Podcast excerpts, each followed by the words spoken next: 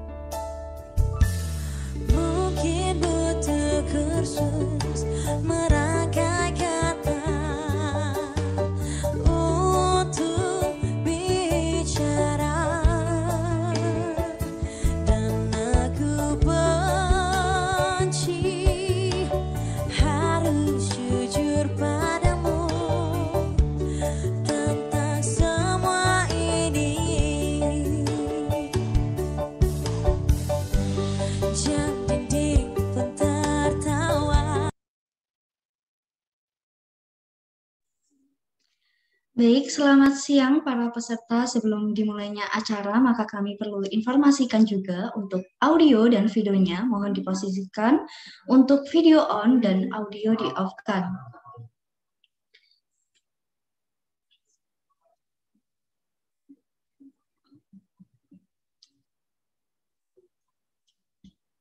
Ya baik, Assalamualaikum warahmatullahi wabarakatuh. Selamat siang, salam sejahtera untuk kita semua. Apa kabar teman-teman semua? Semoga dalam keadaan baik-baik saja. Amin ya rabbal alamin. Kami ucapkan selamat siang dan selamat bergabung yang terhormat Bapak Sekretaris Prodi Bimbingan dan Konseling, Bapak Agus Setiawan, SPD MPD, yang kami hormati para dosen bimbingan dan konseling, dan, yes, dan yang saya banggakan seluruh peserta yang sudah hadir pada kesempatan siang hari ini. Dengan sangat antusias sekali pada kesempatan hari ini, saya selaku MC Nur Khotimatul Ulia yang tentunya akan memandu acara yang luar biasa kali ini sampai nanti selesai. Adapun susunan acara yang bisa dilewati bersama, di antaranya adalah pembukaan, kedua adalah sambutan, yang ketiga adalah doa, yang keempat adalah penyampaian materi dari pemateri, dan yang terakhir adalah penutup. Mari kita buka acara dengan bacaan basmalah bersama-sama. Bismillahirrahmanirrahim. Baik, rekan-rekan yang saya hormati, acara selanjutnya adalah sambutan yang akan disampaikan oleh Bapak Sekretaris Prodi Bimbingan dan Konseling, Bapak Agus Setiawan, SPD MPD. Saya persilahkan kepada Pak Agus Setiawan. Terima kasih, Ulia. Uh, Assalamualaikum warahmatullahi wabarakatuh. Uh, selamat apa ini ya? Selamat siang ya. Selamat siang dan salam sejahtera untuk kita semuanya. Uh, yang saya hormati ini luar biasa Mas Tata, uh, Mas Tata Kustara. Salam kenal Mas Tata. Uh, muda dan penuh inovatif ini, penuh inovasi, mohon maaf. gitu. Terus um, hadir yang saya hormati Bu Fariha. Kemudian ini juga tadi saya melihat ada Bapak Ibu dosen, Bu Bu Emma, Pak Hendri, Pak Suhendri tadi kelihatannya bergabung juga. Terus teman-teman dari panitia dari khususnya dari teman-teman asisten lab BK dan juga yang saya banggakan teman-teman seluruh peserta ya.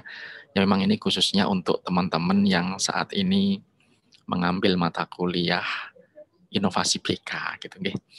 Ya syukur alhamdulillah pada kesempatan kali ini uh, kita dipertemukan dan hari ini kita nanti akan banyak belajar dari saudara kita ini ya Mas Tata yang luar biasa memiliki satu apa inovasi yang saya kira sudah apa ya uh, nasional gitu ya tingkatnya setidaknya ya artinya juga banyak uh, user yang menggunakan dari apa yang ditemukan oleh Mas Tata ini.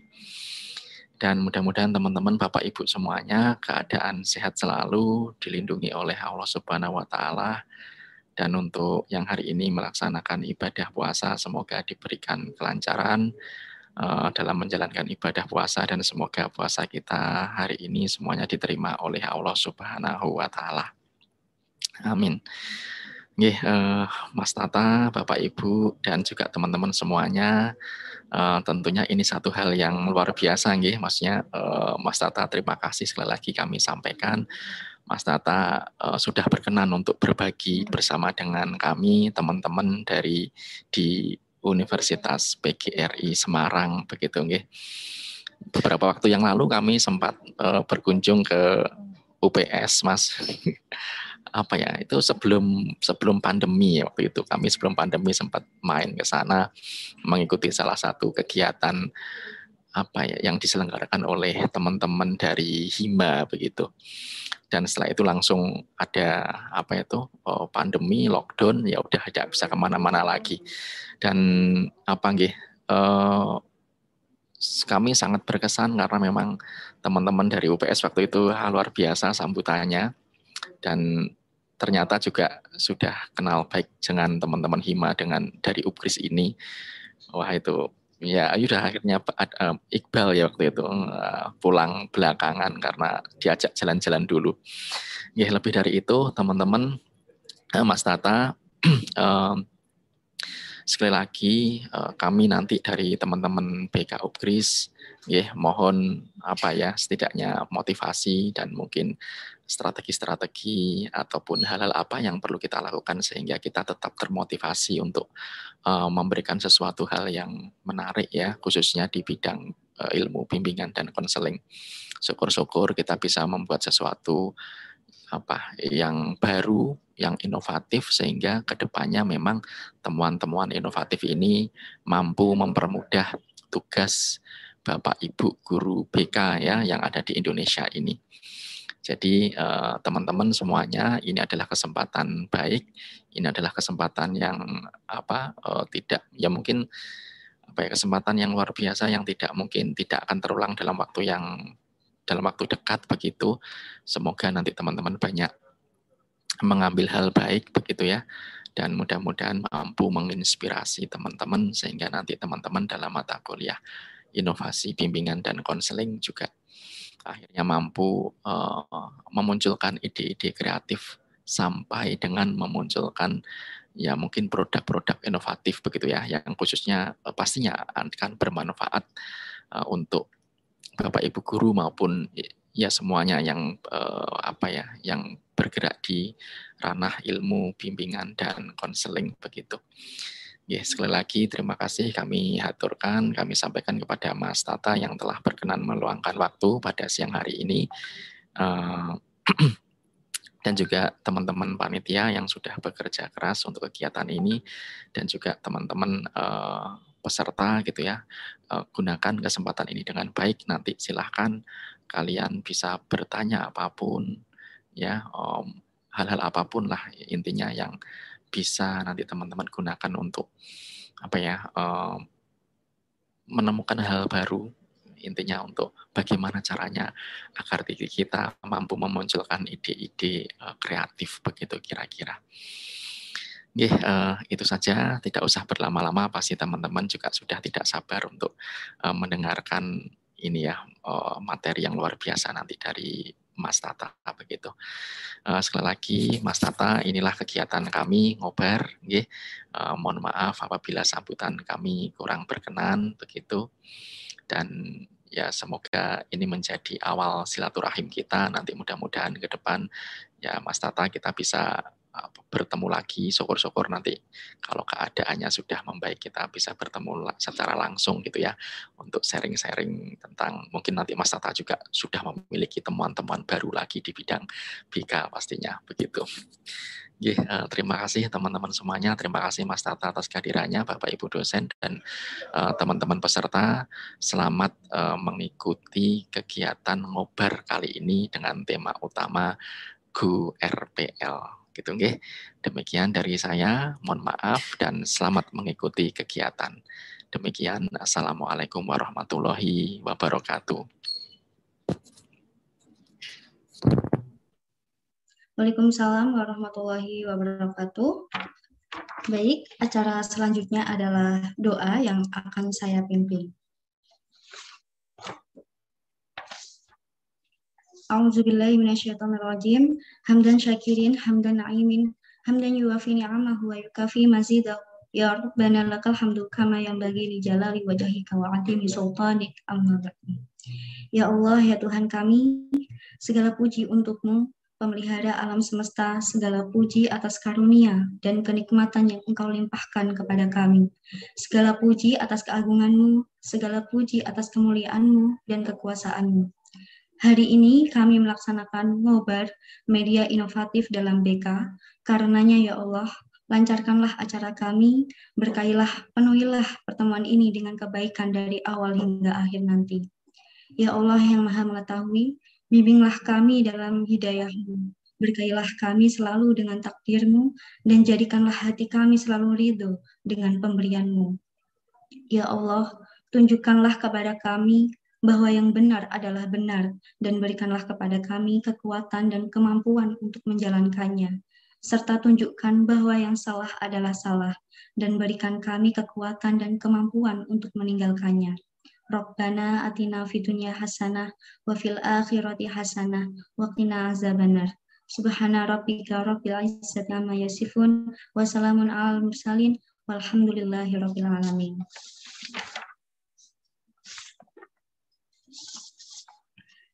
Baik, rekan-rekan sekalian, sebelum dimulainya acara ngobrol bareng Lab PK Universitas PGRI Semarang, pada siang hari ini saya akan perkenalkan terlebih dahulu narasumber kita yang akan mengisi materi kita pada hari ini acara diskusi Go RPL. Eh, beliau bernama Bapak Tata Kustara SPD. Saya persilahkan kepada Pak Tata Kustara SPD untuk menyampaikan materinya. Terima kasih atas waktunya. Uh, saya buka dulu. Assalamualaikum warahmatullahi wabarakatuh. Waalaikumsalam warahmatullahi wabarakatuh. Teman-teman dan Bapak Ibu semua, uh, Alhamdulillah di bulan suci Ramadan ini uh, kita diperkenalkan bertemu secara virtual online dalam keadaan sehat. Uh, pertama-tama saya yang saya hormati Ketua Program Studi Bimbingan Konseling Universitas PGRI Semarang dan uh, yang saya hormati pula Bapak Ibu dosen serta teman-teman mahasiswa yang hari ini hadir yang antusias sekali jumlah pesertanya sampai 96. Ini luar biasa. Ini banyak sekali yang uh, berpartisipasi hari ini. Mudah-mudahan uh, di kesempatan ini uh, kita bisa saling sharing dan uh, belajar. Karena saya sendiri di sini bukan berarti menggurui ataupun bagaimana saya di sini juga sama-sama belajar niatnya. Eh, nah di sini saya akan lebih banyak membahasnya tentang inovasi BK-nya, bukan ke GoRPL-nya. Mungkin akan saya tampilkan juga GoRPL-nya, tapi uh, tidak sedetail seperti uh, diklat. Karena nanti akan saya sharekan itu lebih ke bagaimana sih membuat inovasi BK, ya khususnya ketika saya membuat GoRPL. Barangkali nantinya itu bisa menjadi uh, motivasi untuk teman-teman semua di mahasiswa BK UKRIS uh, bisa mengeluarkan produk baru juga dan tentunya membantu kami sebagai guru BK di sekolah dan mempermudah tugas guru BK yang katanya banyak sekali tugasnya. Dan saya juga uh, sedikit teringat kembali dengan uh, beberapa tahun lalu Dulu waktu saya zaman menjadi ketua himpunan mahasiswa di UPS Tegal pernah berkunjung ke UKRIS dan teman-teman UKRIS di sana luar biasa antusiasnya. Saya juga uh, mengucapkan terima kasih ya dulu pernah uh, ketika kami berkunjung ke UKRIS uh, disambut dengan baik bahkan di uh, apa namanya diajak jalan dan diajak diberikan tempat istirahat yang layak. Uh, mungkin itu saja pembuka dari saya. Nah, agar menyingkat waktu, saya akan langsung saja uh, sharing dengan teman-teman semua dan Bapak Ibu di Universitas PGRI Semarang. Baik, uh, saya coba share screen dulu. Ya, share screen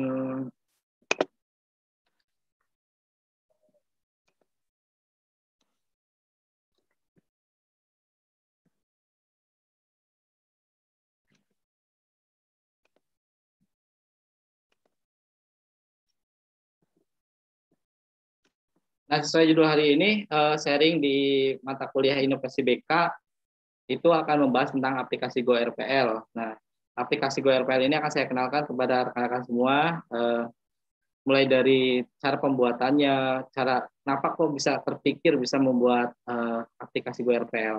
Bahkan nanti di akhir eh, sesi, saya akan tunjukkan juga live cara kerja dari aplikasi Go RPL, barangkali nantinya bisa eh, untuk gambaran rekan-rekan nanti barangkali ingin membuat inovasi backup juga, entah itu di bidang aplikasi maupun desain atau produk-produk lainnya yang berhubungan dengan media backup. Nah, eh, sebelum itu saya ingin perkenalkan terlebih dahulu, ini adalah aplikasi GoRPL. Nah, aplikasi ini eh, saya buat bertujuan untuk membuat rencana pelaksanaan layanan, layanan backup berbasis web.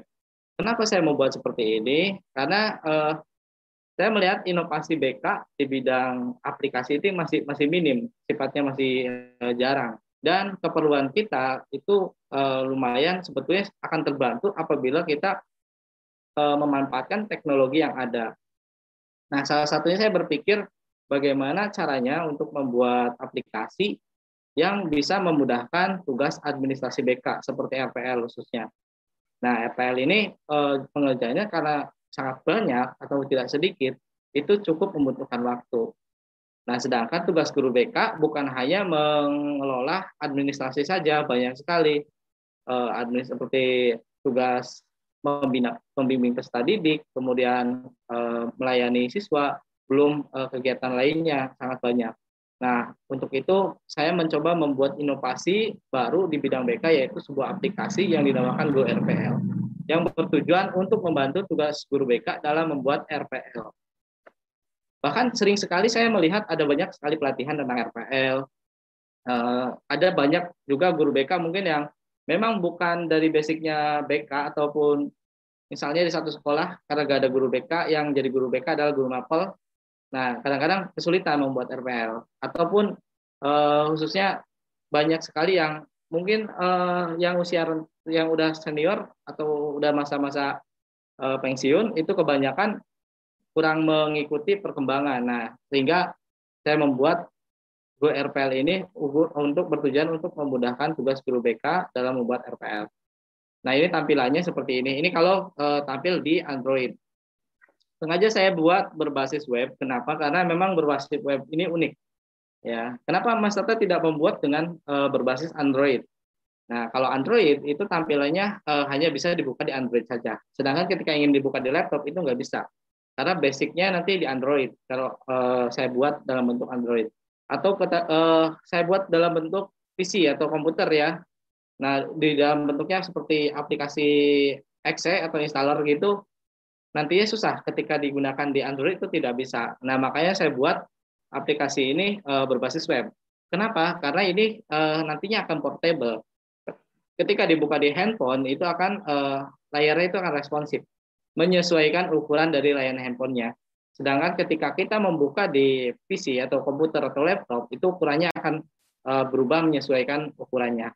Dan itu bisa dibuka uh, kapan saja. Jadi kapan pun kita mau bikin misalnya dalam keadaan genting, kita mau melaksanakan layanan konseling uh, individu.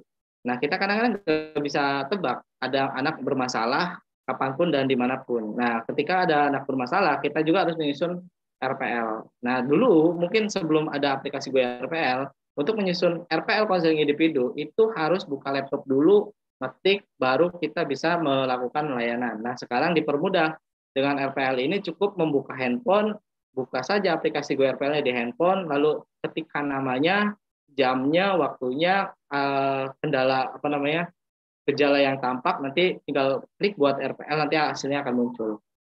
Jadi sesimpel itu. Kemudian eh, di sini juga saya menambahkan banyak fitur seperti asesmen, RPL konseling individu, RPL konseling kelompok, konseling kelompok, pembimbingan kelompok dan klasikal.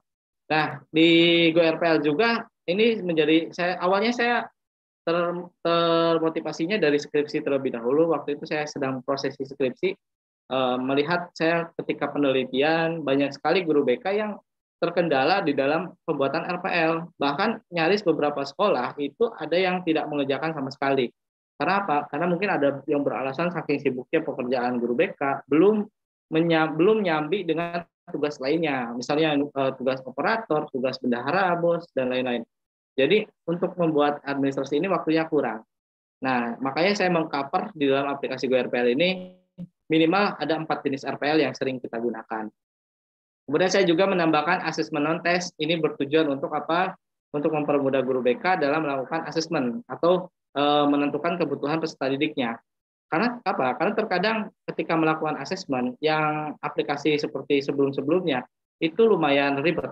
Lumayan ribetnya harus bekerja banyak seperti harus mencetak uh, print out-nya, print out angketnya ataupun um, mengupload ke Google Form ya atau pihak kedua kemudian baru bisa dianalisis. Nah, di RPL ini, Go RPL ini langsung asesmen non testnya ini real time, langsung bisa uh, tergenerate langsung hasilnya dan hasilnya langsung keluar.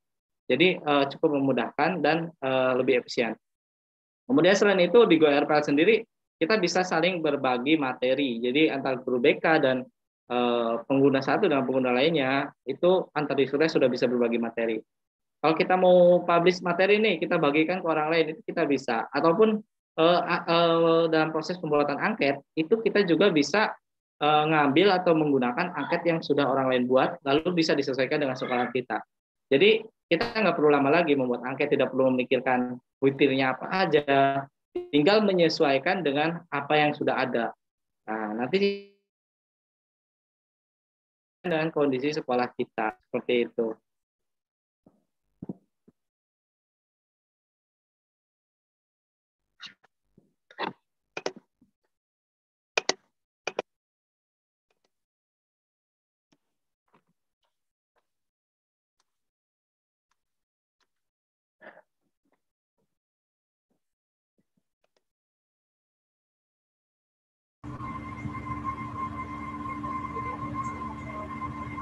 Oke, mungkin sinyalnya Mas Tata agak kurang stabil ya. Ya, luar biasa ya teman-teman. Saya ambil alih. Mbak Ulia, terima kasih. Mohon maaf. Sampai Mas Tata nanti bisa bergabung lagi. Saya ambil alih dulu.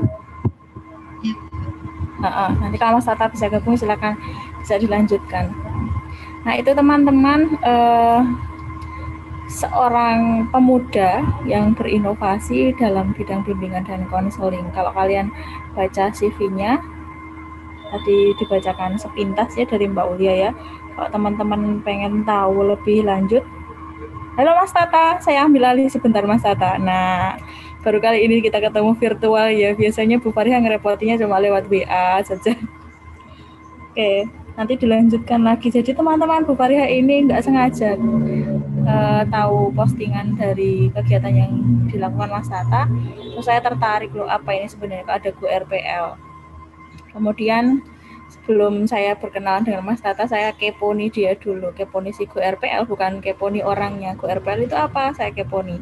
Nah, ternyata ini adalah salah satu bentuk inovasi BK. Nah, nanti teman-teman mungkin bisa menanyakan, kok Mas Tata bisa punya pemikiran terkait dengan uh, Go RPL tadi sudah disampaikan secara singkat ya bagaimana kendala yang ada di lapangan kemudian eh, bagaimana beliau mengembangkan dan dari profilnya itu memang sebenarnya beliau punya skill tambahan. Jadi guru BK itu enggak hanya jadi guru BK saja, tapi punya skill tambahan menjadi web developer gitu. Nah, monggo Mas Tata bisa dilanjutkan sharingnya. Bu akan tambah-tambah informasinya nanti saja. Tak pancing biar bisa lebih keluar lagi karena teman-teman mahasiswa ini kalau enggak dikasih stimulus pertanyaan biasanya malu-malu bertanya ya. Jadi saya yang mungkin akan mewakili gitu. Silahkan Mas Tata.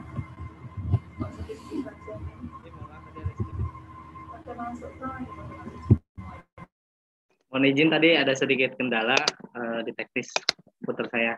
Dan ini saya lanjutkan kembali. Saya izin lanjutkan kembali. Tadi mohon maaf ada kendala sedikit terkait uh, komputer yang saya, laptop yang saya gunakan. Nah, mengenai aplikasi GoRPL itu seperti itu. Jadi di GoRPL ini kita bisa berbagi asesmennya. Jadi ada asesmen non test sehingga ketika guru BK itu membuat asesmen itu tidak perlu lagi uh, kesulitan seperti minta ke sekolah sana, ke sekolah sini, minta filenya, minta uh, angketnya itu tidak perlu seperti itu. Cukup menarik dari asesmen non test yang ada di GoRPL nanti bisa ditarik dan tentunya ini bisa dirubah sesuai kondisi sekolah masing-masing. Karena sebagaimana yang namanya asesmen itu adalah untuk mengukur kebutuhan peserta didik yang ada di kita itu harus uh, menyesuaikan kondisi di sekolah masing-masing. Nggak bisa ibaratnya uh, kita menggunakan angket di sekolah A, di plug diambil jiplak sesuai dengan di sekolah A. Karena apa? Karena di sekolah A itu belum tentu sama kondisinya di sekolah kita. Contoh kecilnya, uh, saya mengajar di dua sekolah, di SMP dan MTS. Di SMP saya berbasis pondok, itu kasus merokok itu hampir tidak ada karena memang di pondoknya sendiri tidak memperbolehkan merokok dan kebanyakan santri itu menurut, nurut dengan aturan. Sedangkan di sekolah satunya yang di berbasis MTS, karena memang bukan e, sekolah pondok, masih ada banyak beberapa yang masih merokok. Nah, dari situ kelihatan bahwasanya kebutuhan e, layanan BK di setiap sekolah itu berbeda, alias tidak sama. Jadi ini tidak bisa disamakan. Ketika kita mengambil angket dari GoRPL, kita harus menyesuaikan dengan kondisi sekolah kita. Nah, seperti itu. Karena memang kondisi sekolah uh, kebutuhannya berbeda-beda. Nah, tadi sedikit pengenalan tentang Go RPL. Nanti mungkin kita lebih sharingnya bisa bertanya jawab aja tentang Go RPL. Nah, di sini saya akan membahasnya uh, ke pembahasan tentang bagaimana sih proses pembuatan Go RPL, bagaimana saya uh, bagaimana kok saya bisa menemukan ataupun memecahkan uh, permasalahan sampai uh, banyak sekali pengguna Go RPL uh, yang terdaftar di aplikasi Go RPL ini. Nah, pertamanya ini awalnya bergerak dari skripsi yang saya buat dulu. Ketika masa skripsi dulu, saya melihat eh, mengunjungi suatu beberapa sekolahan dan eh, melihat sebuah masalah. Nah, dari masalah itu saya kembangkan mencari solusinya apa. Dan eh, ditemukanlah solusinya adalah aplikasi GoRPL. Nah, itu gambaran singkatnya.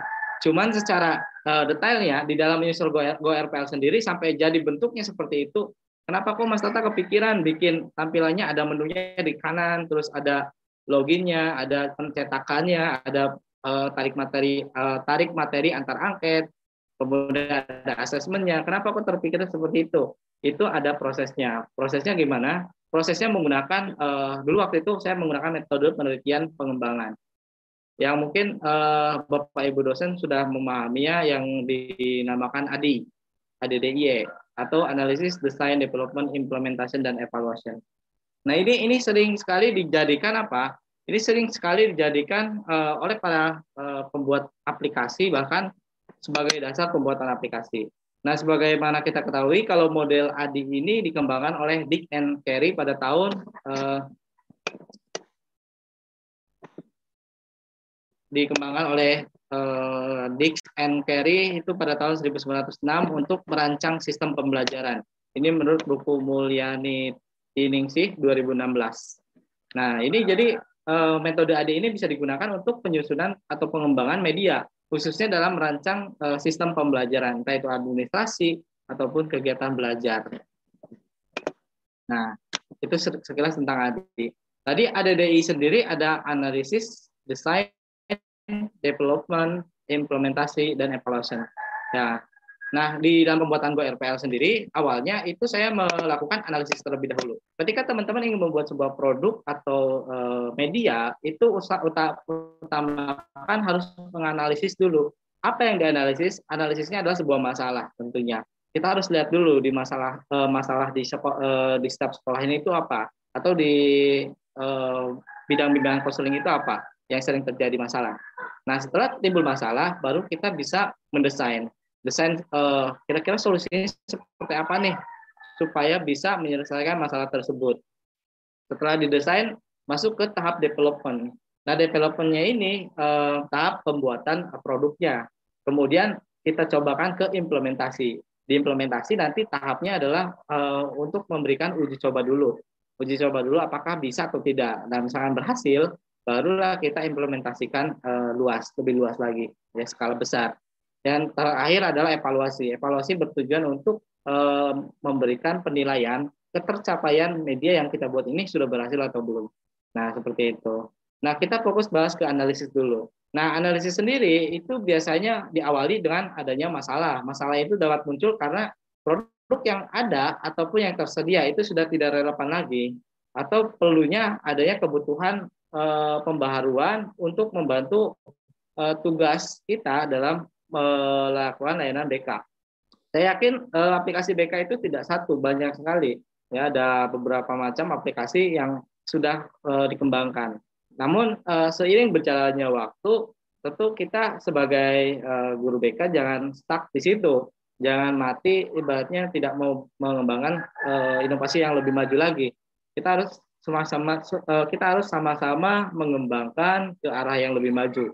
Ya, karena apa? Karena perkembangan teknologi itu tidak hanya uh, stuck di situ aja.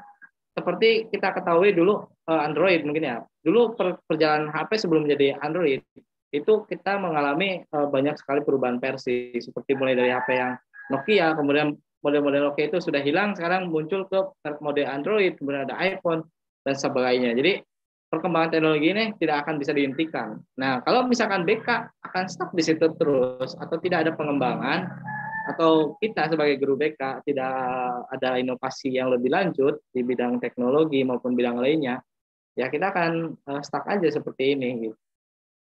Harapan saya meskipun apa namanya, saya juga mungkin sama ya seumuran dengan teman-teman mahasiswa eh, mengajak, ayo nanti ketika sudah lulus maupun sekarang kita coba mengembangkan inovasi baru ya kita berperan uh, mengembangkan inovasi, inovasi baru untuk memajukan uh, bimbingan konseling.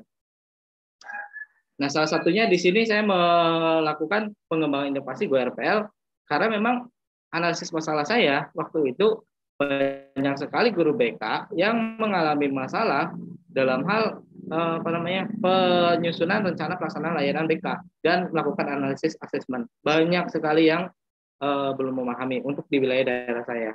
Nah, kemudian saya berpikir dari analisis tersebut, saya berpikir untuk membuat sebuah inovasi yang mana inovasi tersebut bisa membantu guru BK dalam mengembangkan atau dalam mengerjakan tugas administrasi BK, ya khususnya dalam bidang RPL maupun asesmen.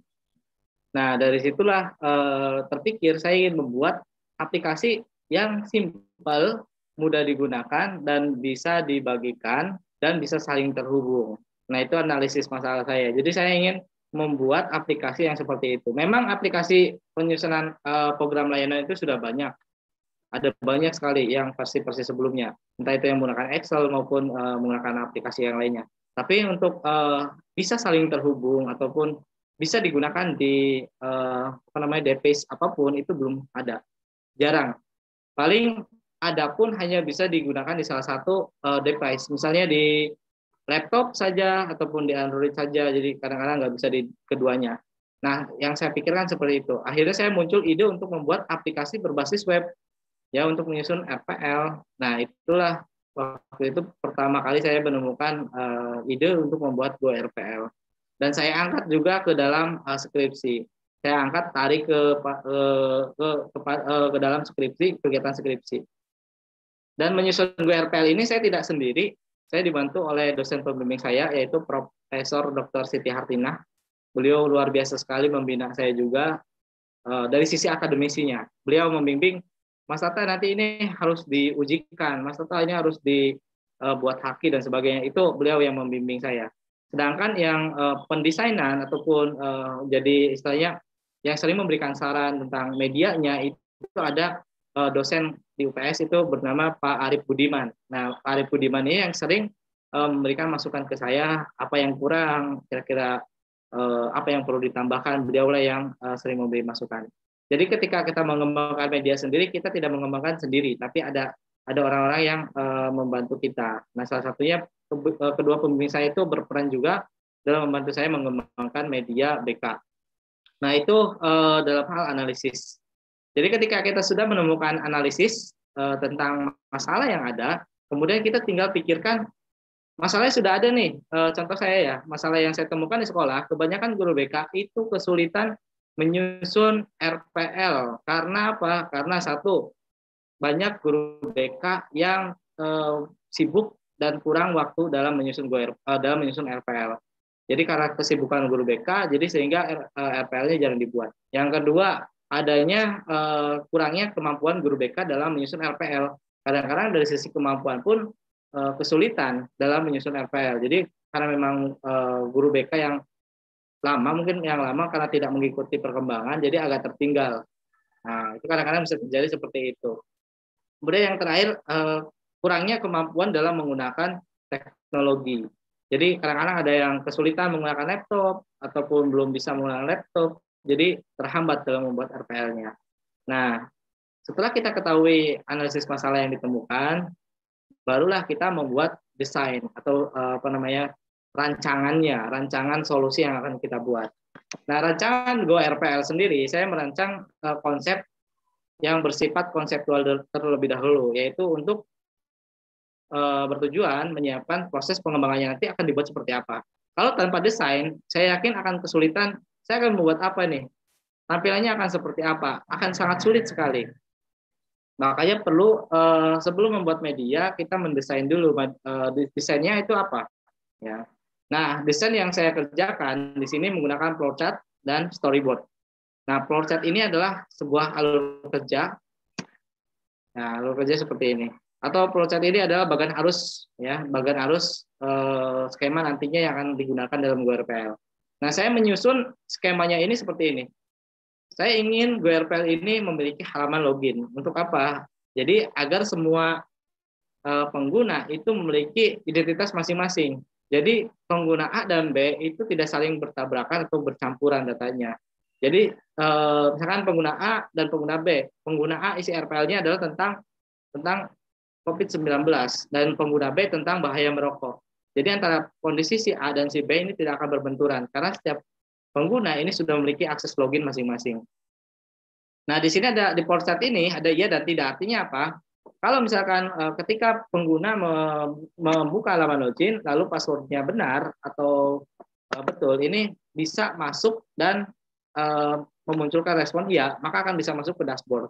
Kalau misalkan loginnya ini tidak terdaftar di sistem, dashboard ini akan menolak dan akan mengembalikan ke login sini. Jadi ada iya dan tidak. Nah, nanti ketika berhasil di sini di dashboard, ini akan ada banyak pilihan.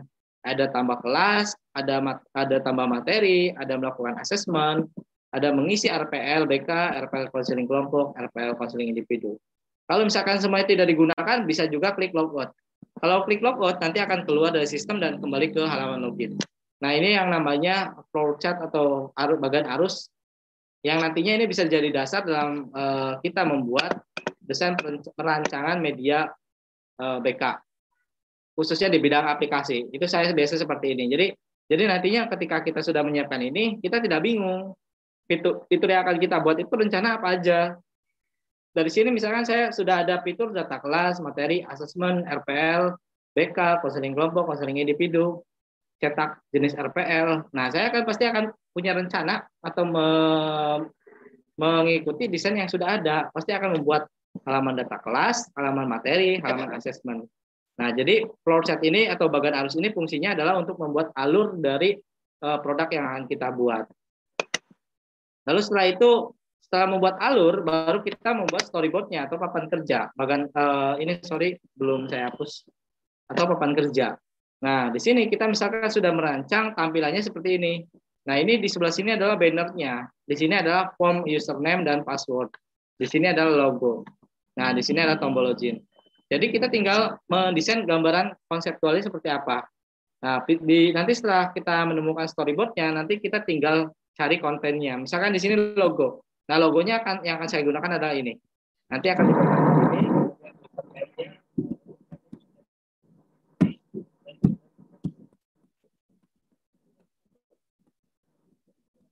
sudah menyiapkan uh, desainnya ada flowchart dan storyboard. Nah setelah kita membuat storyboard, barulah kita bisa membuat desainnya nanti akan seperti apa visualisasinya. Karena storyboard sendiri merupakan visualisasi yang digunakan untuk menyampaikan gagasan dari suatu media kepada pengguna supaya pengguna dapat memahami fungsi dan fitur yang tersedia pada aplikasi tersebut. Misalnya gini, kalau misalkan kita bikin media, nah kita nggak jelas nih di sini uh, mau bikin apa. Nah ini kalau misalnya kita nggak buat storyboard, maka penggunanya nggak akan tahu ini fungsinya buat apa sih. Nah kalau di sini ada bentuknya, nah di sini ada username password. Oh berarti untuk mengisi username dan password. Dan ini tombol login untuk mengklik melanjutkan ke halaman dashboardnya. Nah, jadi seperti itu. Jadi di sini storyboard ini tujuannya adalah untuk menyampaikan gagasan atau pesan dari suatu media kepada pengguna supaya pengguna paham, paham dengan maksud dari uh, interface dari aplikasinya. Nah, itu dari sisi desain. Nah, setelah kita menyusun desain konseptual, lalu kita bisa menyusun ke mode pengembangannya atau ke development-nya. Nah, di tahap development ini merupakan tahap pembuatan desain yang sudah jadi ke dalam bentuk uh, dari yang tadi konseptual kita buat ke dalam uh, dire, dire, direalisasikan menjadi produk yang siap untuk diterapkan.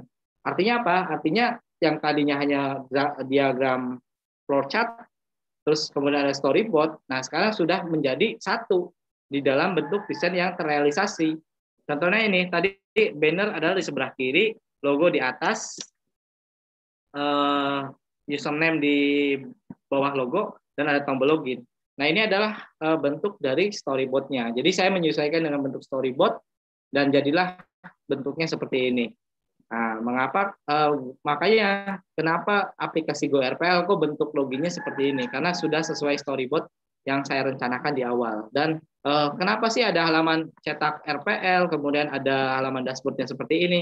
Karena memang di portretnya sendiri alur alur programnya sendiri seperti itu. Sudah saya buat konsep ketika masukkan username dan password berhasil memasukkan maka akan masuk ke dashboard. Jika tidak akan ditolak kembali ke sini. Nah itu alur dari tahap developmentnya. Nah tentunya dalam development ini eh, kita nggak bisa sembarangan membuat. Kita juga harus punya yang namanya konten. Nah konten yang kita buat ini harus sesuai dengan media yang akan disampaikan. Nah kalau di sini karena saya kontennya adalah konten administrasi BK, tentu saya tidak bisa membuatnya secara sembarang atau suka-suka saya gitu, pengen dimasukin seperti apa terserah saya gitu, itu nggak bisa.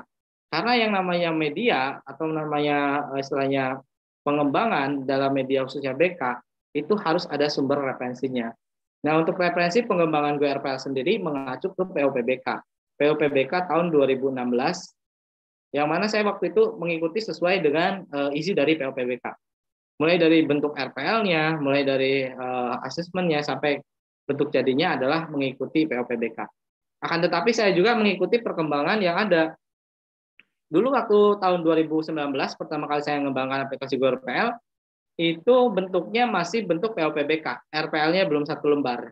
Nah, ketika waktu mau saya launchingkan, ternyata ada perubahan aturan. Ada surat edaran dari Kemendikbud yang menyatakan penyederhanaan administrasi BK dan waktu itu administrasi BK hanya mengambil tiga poin inti, yaitu tujuan, isi, dan evaluasi. Nah, makanya saya sesuaikan juga menjadi RPL satu lembar. Nah, jadi pengembangan teknologi itu apa namanya media BK itu bisa menyesuaikan dengan kondisi terkini, ya ataupun eh, kondisi sekarang. Jadi fleksibelnya seperti itu. Nah, di tahap pembuatan ini saya juga membutuhkan beberapa konten selain media BK-nya ataupun uh, selain konten BK-nya dalam bidang administrasi BK yaitu POPBK yang saya jadi acuan, saya juga menggunakan beberapa material lain seperti uh, gambar ini saya ngambil dari beberapa ya. Nah, ini dari traffic.com juga banyak ya. Saya mengambil juga uh, library lain seperti Bootstrap dan lain-lain. Jadi ini kita bisa memanfaatkan uh, data apa namanya file konten pendukung lainnya. Begitupun dalam media lain lainnya. Misalkan teman-teman di sini ada yang mau bikin media PowerPoint interaktif juga bisa atau video itu kalau misalkan e, membuat flowchart dulu, alur cerita itu akan lebih mudah. Misalnya teman-teman mau bikin animasi nih, tapi tidak tahu jalur alur ceritanya akan seperti apa, nanti akan bingung jadinya. Dan e, kalau tidak dibuat storyboard, alur e, bentuk ceritanya itu akan sulit. Makanya hampir sama dalam pembuatan media, intinya adalah uh, mengacu ke analisis dulu, ke desain dulu, baru ke development. Nah, kalau sudah development berhasil, baru kita mengimplementasikan media tersebut. Nah, saya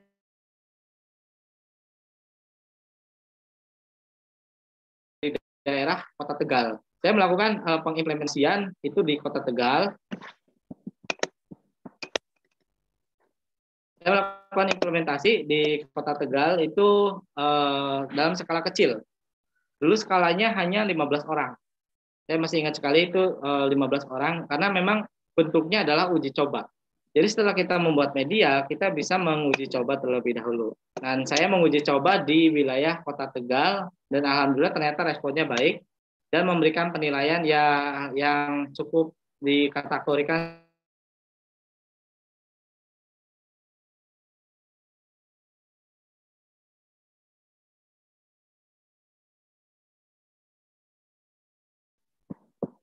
Kemudian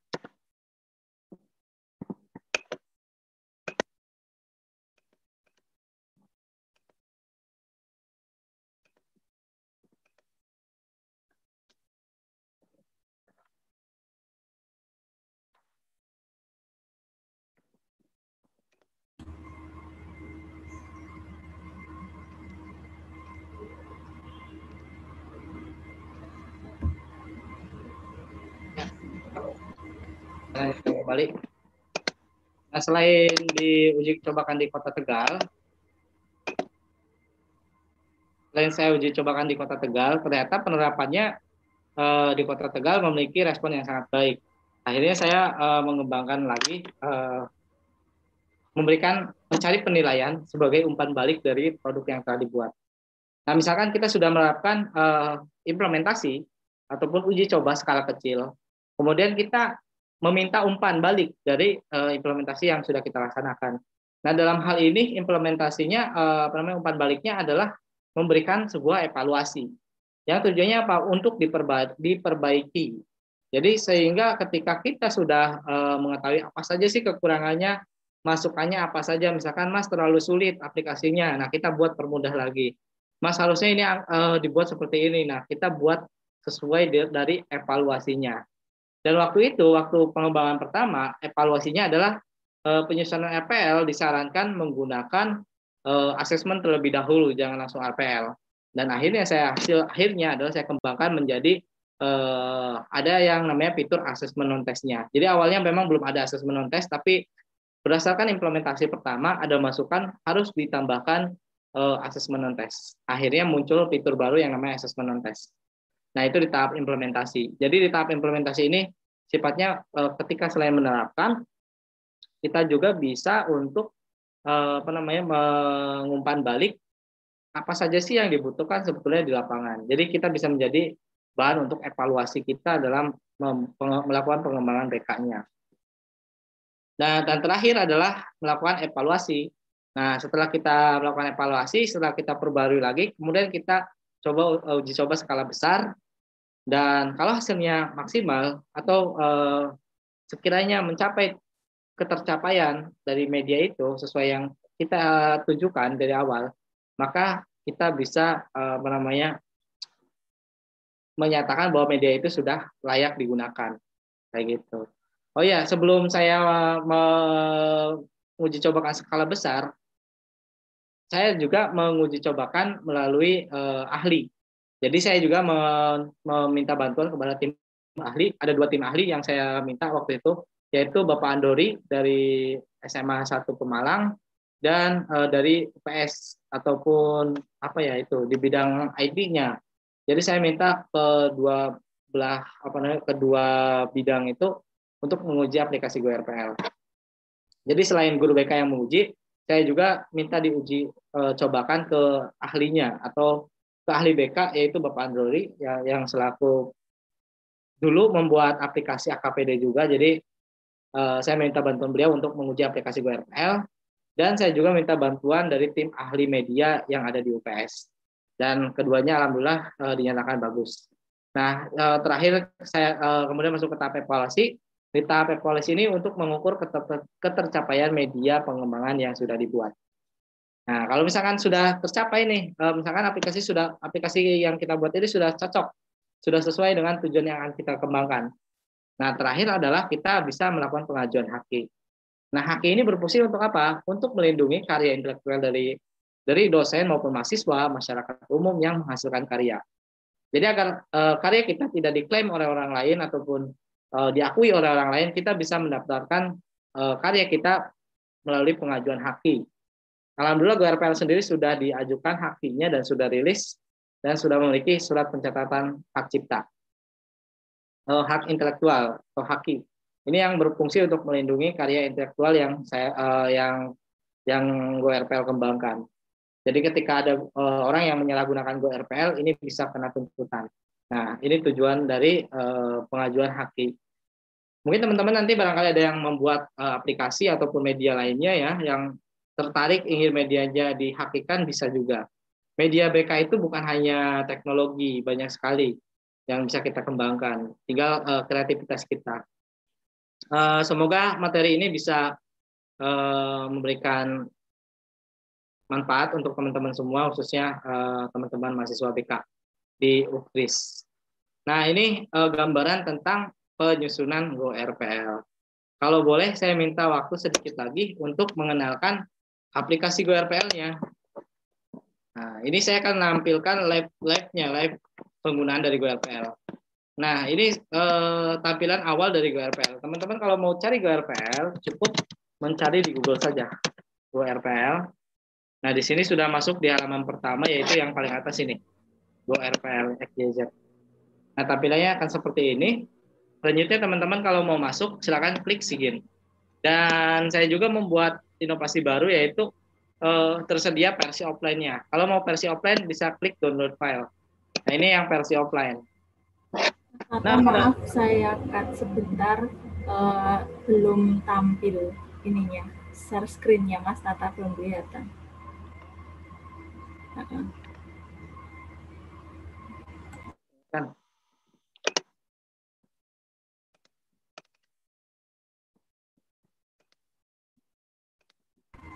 Ya, sudah.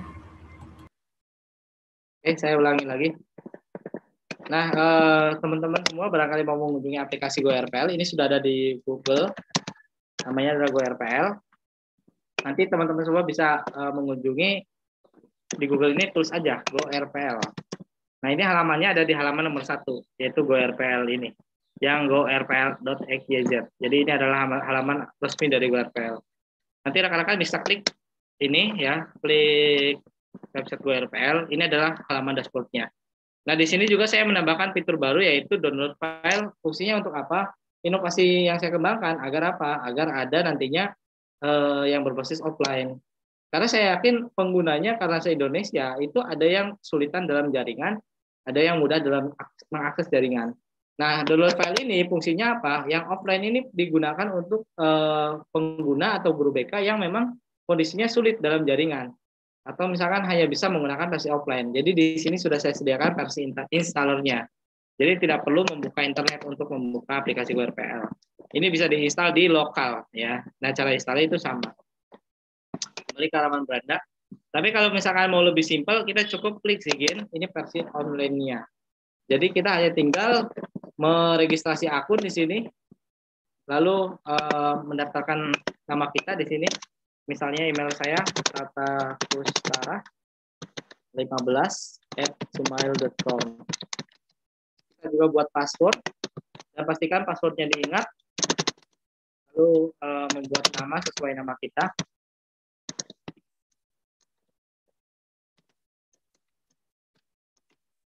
Nah kemudian isi NIP atau NIPY NIP saya belum ada saya stripkan aja misalkan seperti ini. Nah, ini misalkan kita registrasi seperti ini, nanti klik daftar.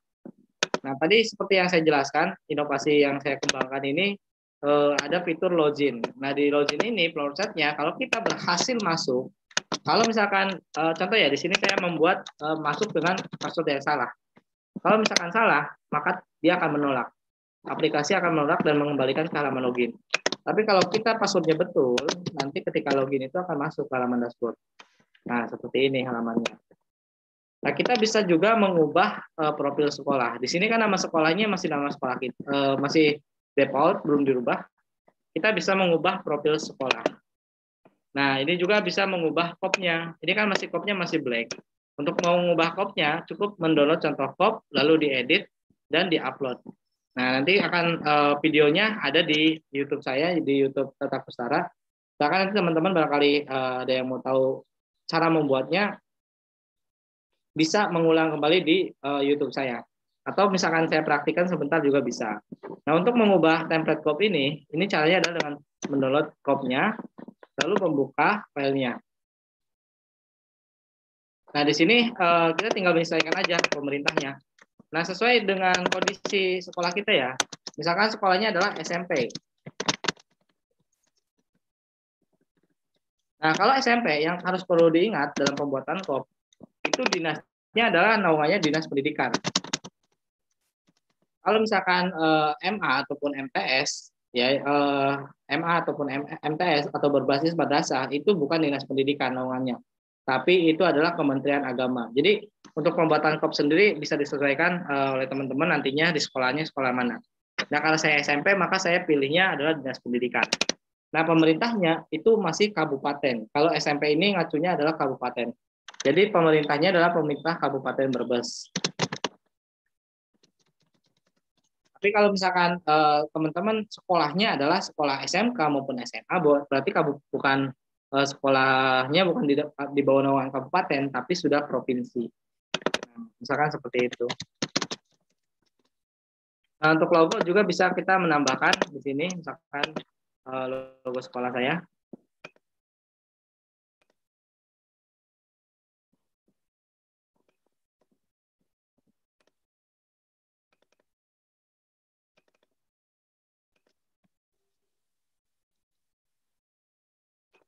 Misalnya logonya ada di lokal deh kayaknya.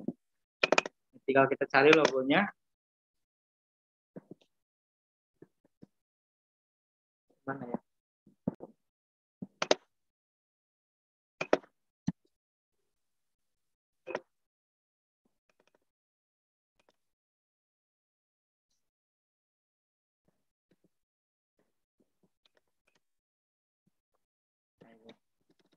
Misal logo sofa saya adalah ini. Nah, nanti kita tinggal menempel seperti ini.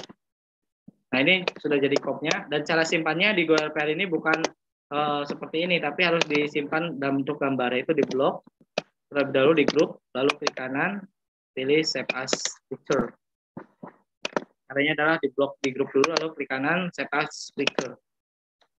Lalu ditulis namanya adalah kop. Misalkan kop 1, uh, kop 11. Nah, nanti kita tinggal klik ubah aja di sini. Tinggal klik ubah di tombol ubah. Nah, tinggal pilih file yang sudah kita buat. Nah, lebih jelasnya nanti teman-teman kalau mau tahu caranya bisa uh, buka saja YouTube saya Tata Kustara. Di situ sudah saya jelaskan lebih detail ya. Karena ini uh, mengurangi waktu juga biar biar lebih uh, luas nanti kita diskusinya. Lalu kita tinggal klik ubah data kop, jangan lupa ini di checklist.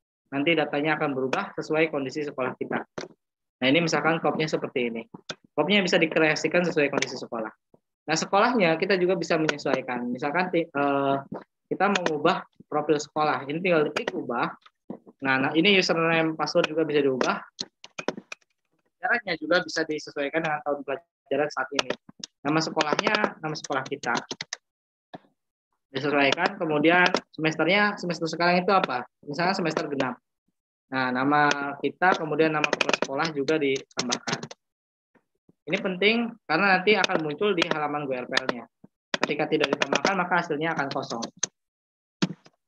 Nah, misalkan seperti ini, ubah data sekolah. Nah, selanjutnya apa? Selanjutnya setelah seperti ini, di sini ada perintah untuk melakukan logout, logout lalu login kembali. Nah, kita logout. Dan setelah login, nanti tampilannya akan muncul seperti ini. Nah, namanya sudah berubah. Nah, untuk profil uh, akun belum terverifikasi cukup mudah tinggal klik profil sekolah di bawah verifikasi. akun. Lalu klik dashboard, nanti akan terverifikasi. Nah, ini ini langkahnya. Sebetulnya kalau uh, diperhatikan kalau misalkan teman-teman bisa membuka uh, YouTube saya akan lebih mudah dipahami. Nanti silakan uh, setelah ini bisa dibuka, disimak ulang videonya ada di YouTube uh, Tata Kustara. Nah, di sini juga sudah tersedia uh, fitur tambah data kelas. Nah, kita tinggal tambahkan aja data kelasnya sesuai kelas yang kita miliki. Misalkan data kelas yang saya buat, tambah kelas. Di sini saya memegang kelas 7A, silakan tambahkan. Kemudian misalkan kelas 7B, nah, tambahkan. Misalkan lagi kelas 7C. Nah, kita bisa tambahkan lagi. Jadi di sini kita bisa menambahkan sesuai kelas kita. Kalau misalkan sekolahnya SMK ataupun SMA, tinggal menyesuaikan aja. Misalkan tambah kelas 10 11 eh, misalkan 11 multimedia atau yang lainnya itu bisa disesuaikan. Nah, kalau kita kembali nanti jumlah kelas akan terhitung otomatis. Nah, setelah jumlah kelas terhitung, nah ini adalah fitur yang saya kembangkan, yaitu assessment non-testnya. Setelah kita menambahkan eh, tambah kelas, kemudian mengubah data sekolah, kita bisa membuat assessment. Kenapa begitu? Karena untuk menentukan materi. Jadi jangan nambah materi dulu ya. Misalkan langsung eh, baru masuk, langsung menambahkan materi. Otomatis apa? Otomatis kita akan bingung materi yang akan diberikan itu apa. Nah, jadi untuk melakukan assessment, jadi kita eh, untuk memberikan layanan BK yang maksimal, kita harus mencari dulu kebutuhannya apa. Misalnya di sini saya membuka assessment non test. Nah, di sini masih kosong. Nah, untuk pembuatan assessment non test di GoRPL itu ada dua teknik. Cara pertama adalah tambah angket secara manual. Jadi kita bisa membuat angket, pernyataannya itu buat sendiri di sini. Dan terakhir ada fitur private dan public. Kalau private ini tidak eh, angket ini hanya untuk kita sendiri atau guru, untuk guru BK itu sendiri yang membuatnya. Sedangkan publik itu bisa diambil oleh orang lain ataupun bisa digunakan oleh orang lain. Nah, nanti kalau misalkan mau bikin secara manual ini bisa diisi di sini. Tapi kalau mau bikin uh, secara otomatis atau menarik dari pengguna lain, cukup klik tarik angket. Nah, tarik angket inilah adalah angket-angket yang dipublik oleh guru BK lain. Kalau private tidak akan muncul di sini, tapi kalau publik akan muncul di sini. Nah, misalkan kita akan menggunakan angket untuk kelas 7A, ya, karena kita mau memberikan layanan kepada kelas 7A. Kita bisa lihat dulu angketnya kelas 7A. Misalkan, oke okay, ini sudah cocok, dirasa sudah cocok, angketnya sudah sesuai dengan kondisi sekolah kita, kita tinggal kembali. Misalkan nanti e, ternyata ada satu yang mau dirubah, misalkan misalkan ini sudah dikatakan cocok dulu, kita sudah melihat dan e, menurut kita cocok. Nanti kita tinggal tarik angket, dan kita juga bisa ninjau, ninjau lagi uh, kira-kira apa yang kurang. Kalau mau diedit juga bisa disesuaikan. Barangkali ada yang kurang tepat. Nah, selanjutnya tinggal klik ubah data angket atau buat angket. Nah, nanti angket akan uh, ter otomatis terbuat atau dibuatkan. Dan menariknya di sini uh, kita tidak perlu mencetak angketnya karena perkembangan teknologi sudah semakin maju. Kita cukup mengklik bagikan angket untuk uh, angketnya agar bisa dibagikan ke peserta didik. Tinggal klik bagikan angket, nah link ini bisa diisi. Atau bisa dibagikan. Caranya adalah klik kanan, uh, salin. Jadi ini tinggal disalin aja, klik kanan, salin. Nah nanti uh, ini bisa dibagikan kepada siswa. Nah ini barangkali teman-teman ada yang mau membantu saya untuk mengisi angket juga boleh Nah, di sini hasil analisisnya, ini adalah hasil, hasil analisisnya ketika kita cek. Ini hasilnya adalah non, nol atau none. Jadi kita belum tahu ini hasilnya apa. Nah, saya sudah ngirim link ke ke, ke chat dari Zoom. Silakan teman-teman minta bantuannya untuk mengisi angket mengisi angketnya uh, sesuai kondisi eh, teman-teman. Kita akan mencoba mencek betul nggak sih ini uh, hasilnya real time. Nah, di versi sebelumnya kita tahu sendiri, ketahui sendiri bahwasanya eh, menggunakan aplikasi sebelumnya, misalkan kita sudah melakukan assessment, itu datanya harus diinput secara manual. Nah, datanya seperti apa? Misalkan menggunakan eh, angka 1010. Kalau pilihannya iya, itu sama dengan satu, kalau tidak sama dengan 0. Nah, misalkan angkanya seperti ini nih. Kalau peserta didik memilih iya, ini nilainya adalah satu. Kalau tidak adalah nol. Dulu uh, di versi sebelumnya yang uh, masih manual itu inputnya manual di sini harus ditulis misalkan ya adalah satu, misalnya nol tidak, ya satu, nol tidak. Sedangkan satu siswa harus mengisi 50 item. Nah pertanyaannya gini, kalau misalkan di sekolah kita jumlahnya nyampe 1000, otomatis satu guru BK dan jumlah guru BK-nya sedikit, bisa saja satu guru BK memegang 500 siswa ataupun 300 siswa, melebihi kapasitas yang ditentukan. Nah, kalau misalkan ada 300 siswa yang kita pegang dan melakukan asesmen, uh, menginput satu-satu ya, karena satu siswa aja 50 item dikali jumlah 300 siswa, berapa item yang harus kita inputkan? Berapa poin uh, nilai yang harus kita inputkan? Maka ini akan lama sekali dan akan uh, mengalami gangguan. Tapi kalau uh, menggunakan ini kita cukup klik bagikan ya, bagikan angket dan siswa mengisinya nanti hasilnya di sini otomatis muncul. Hasil analisis ini akan muncul. Uh, ada yang sudah mengisi angket untuk contoh. Nah ini angket ini boleh diisi untuk contoh kita nanti hari ini. Akan di, di mohon dibantu untuk pengisian angketnya. Ya, yuk silahkan teman-teman mahasiswa bantu ngisi angketnya ya, seperti yang kemarin sudah diuji cobakan di mata kuliah inovasi BK. Kemarin saya coba-coba juga ini mas, tapi kan beda rasanya kalau uh, yang menyampaikan pemateri aslinya. Karena ternyata langkah saya salah loh mas. Ayo teman-teman silahkan bisa dibantu untuk mengisi. Bentar ya mas, ditunggu dulu mungkin ya.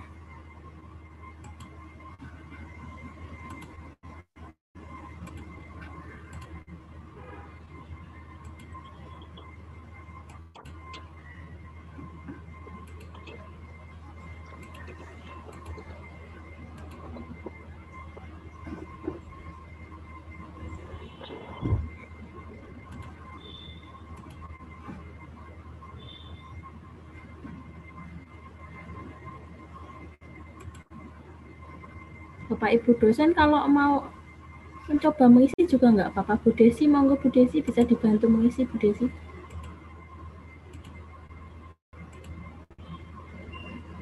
Pak Aji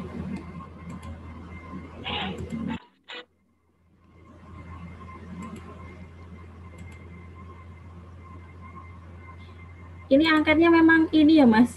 Uh, eh, 50 ya Iya betul, saya ikut ikut AKPD. AKPD. Oh iya. Ya kemarin saya tuh iseng pakai yang buat sendiri itu bukan yang pakai yang tarik angket gitu kan karena mau uji coba. Ayo cah coba biar cepet uh, Bu Faria bikin 10 angket saja. Ternyata nggak bisa ya Mas ya kalau misalnya mau buat cuman 10 kayak gitu tidak bisa ya.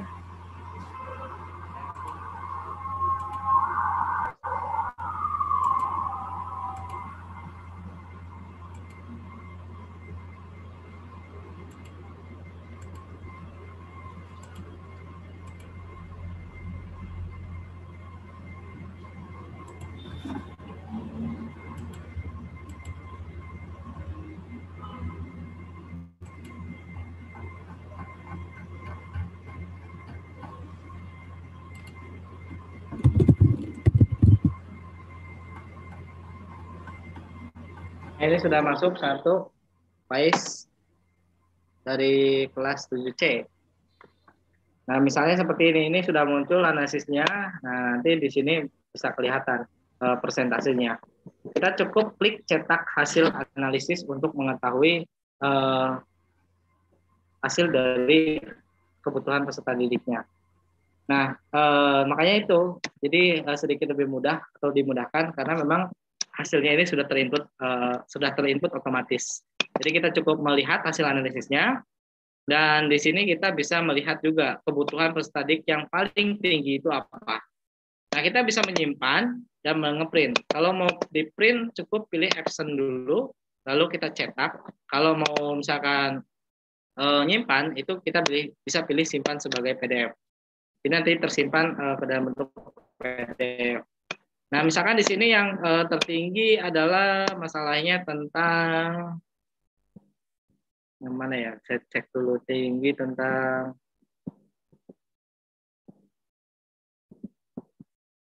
potensi diri misalnya. Nah, saya mau ngambil tentang materi potensi diri misalnya di sini. Nah, kita kembali lagi ke halaman sebelumnya, lalu ke halaman dashboard. Nah, kita bisa menambahkan materi terlebih dahulu. Caranya klik tambah. Nah, kalau kalau kita mau nyari materi di tarik angket, bisa klik tarik angket, lalu cari aja kata kuncinya potensi diri. Nah, misalkan sudah ada tersedia di sini. Nanti kita tinggal tinjau aja, lihat materinya, apakah sudah sesuai. Nah, kalau sudah sesuai, nanti kita baru bisa tarik. Nah, misalkan kita ambil yang ini nih, potensi diri. Punya Bu Sulistio. Nah, ini sudah ada sumbernya juga. Jadi, eh, ini sudah tersedia sumbernya juga, sumber dari acuannya. Kita misalkan mau ngambil uh, punyanya Ibu Sulistio Adam Leterung SPD. Nah, tinggal klik pilih materi, lalu tak mulai tarik materi. Sudah kita mendapatkan materi. Atau misalkan ternyata materinya tidak ada, ditarik materi itu nggak ada materi tentang potensi diri, uh, misalkan potensi diri remaja. Lebih spesifik, lebih spesifik, lebih spesifik remaja misalnya. Nah, misalkan tidak ada, nah kita bisa menambahkan secara manual itu klik tambah materi, nanti tinggal klik judul materinya apa. Misalkan uh, potensi diri remaja misalnya. Nah, di sini nanti bisa me, untuk di sini ini di sini digunakan untuk isinya. Nah, ini untuk sumber, ini untuk statusnya publik atau privasi. Kalau publik ini bisa dipublikasikan, kalau privasi hanya untuk kita sendiri. Kita juga bisa menambahkan gambar, cukup tambahkan link di sini. Misalnya uh, potensi diri. Saya mau ngambil uh, gambar di Google untuk ditarik ke RPL. Nah, misalkan gambar ini. Kita cukup klik kanan, uh, salin alamat gambar, terus tambahkan di sini. Nah, insert image. Nanti akan muncul di sini gambarnya. Kita juga bisa nambahkan video dari YouTube, tinggal tambahkan aja link YouTube-nya. Atau link Instagram juga bisa. Nah, itu uh, kalau misalkan bikin manual. Lalu selanjutnya tinggal klik tambah materi. Nah, setelah tertambahkan materinya, baru kita kembali. Dan di sini akan muncul jumlahnya. Nah, ini saya akan contohkan dua aja, dua RPL. RPL klasikal dan ini klasikal. Uh, counseling individu dan klasikal. Setelah kita punya materi dan kelas, kita misalkan mau bikin RPL counseling individu. Caranya adalah cukup klik RPL counseling individu, lalu tambahkan RPL-nya. Misalnya uh, inisial kita, inisial konseling yang kita hadapi siapa? Misalnya di sini saya menggunakan KI1A.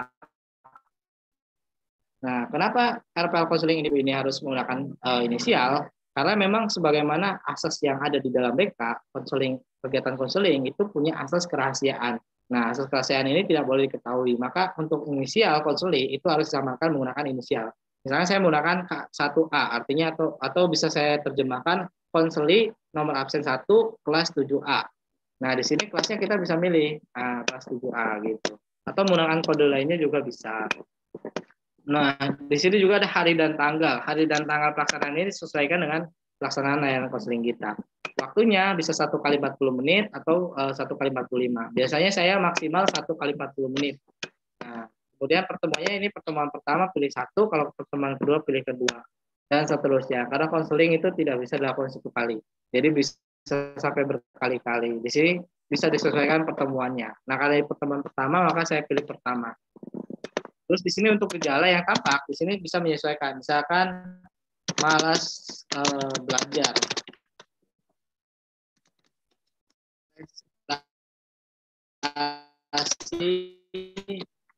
belajar masuk. Nah ini misalkan gejala yang tampak. Gejala yang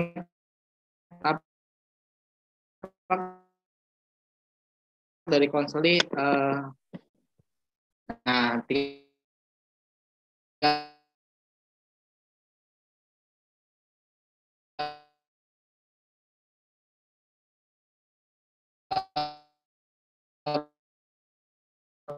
pilih aja kalau mau ngedit diedit kalau mau hapus nah tampilannya seperti ini. Nah ini saya acuannya ada di POPBK jadi tampilan RPL Counseling Individu seperti ini ini saya ngacu ke POPBK dan ini hanya contoh aja. Eh, selanjutnya misalkan saya mau bikin RPL klasikal. Kalau klasikal tinggal pilih RPL klasikal. Nah, caranya tinggal klik tambah RPL, lalu pilih layanannya, layanan apa. Misalkan di sini layanan dasar, dan fungsinya apa? Misalkan bidang belajar, eh, apa namanya bidang pribadi. Karena saya di sini akan membahas tentang potensi diri. Nah, fungsinya kita bisa tinggal milih pemahaman, pencegahan, pengetasan. Misalkan saya pilih pemahaman. Nah, ini dimudahkan juga guru BK karena tidak perlu menghapus fungsi layanan yang ada di layanan BK. Ini sudah saya sesuaikan dengan PPBK. Ada fungsi pemahaman, fungsi pengetasan, pemeliharaan, dan sebagainya. Nah, tinggal disesuaikan dengan uh, kondisi kita. Ya, layanan dasar sendiri biasanya ini digunakan untuk komponen layanan yang sifatnya mendasar, seperti untuk memberikan pemahaman, dan lain-lain. Tapi kalau responsif ini seperti untuk layanan yang memang kondisinya darurat. Contohnya, kalau misalkan ada tawuran, eh, karena tawuran sendiri itu kita tidak tahu tahun ini ada tawuran enggak, misalkan ada. Nah, berarti mau gak mau kita melakukan layanan responsif. Karena apa? Karena sifatnya tidak direncanakan atau uh, kita secepatnya harus melaksanakan layanan BK. Nah, ini bisa dipilih adalah layanan responsif. Kalau perencanaan, misalkan berkaitan dengan pilihan karir, biasanya itu menggunakan perencanaan.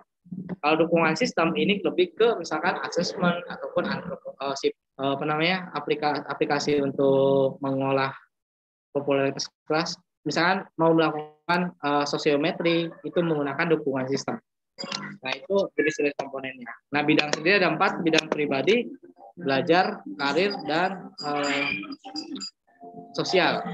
Jadi ada empat. Nah disesuaikan bidangnya. Misal bidang pribadi maka pilih uh, bidang pribadi. Fungsinya apa? Bisa fungsi pemahaman pencegahan pengatasan atau pemeliharaan. Misal di sini saya menggunakan fungsi pencegahan.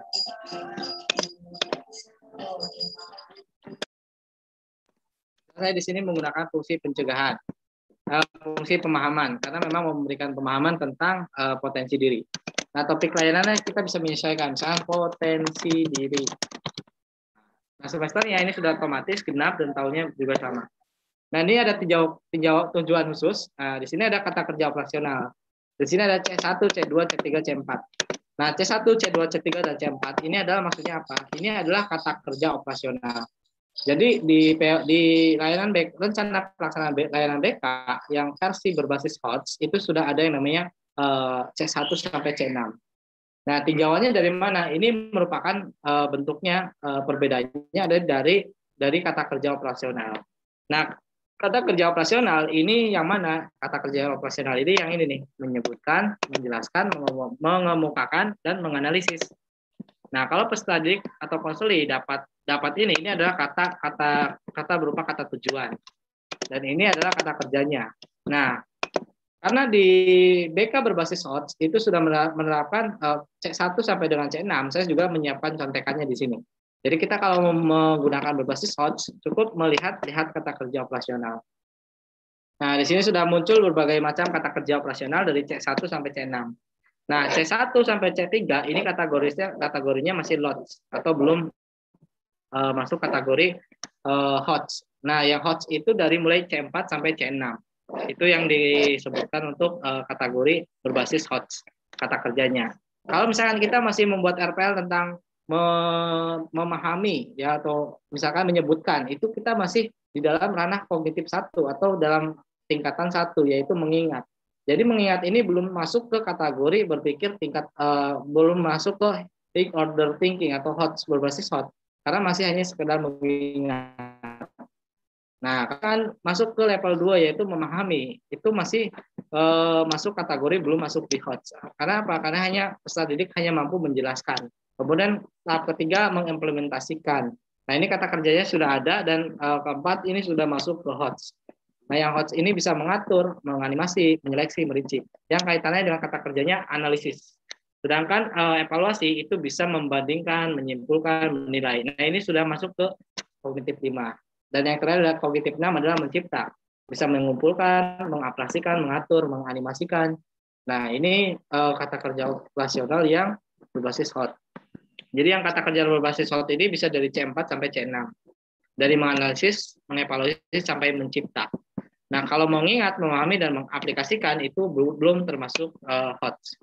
Nah, di sini juga ada afektif, juga ada ya menerima, merespon, menghargai, mengorganisasikan dan karakterisasi menurut nilai.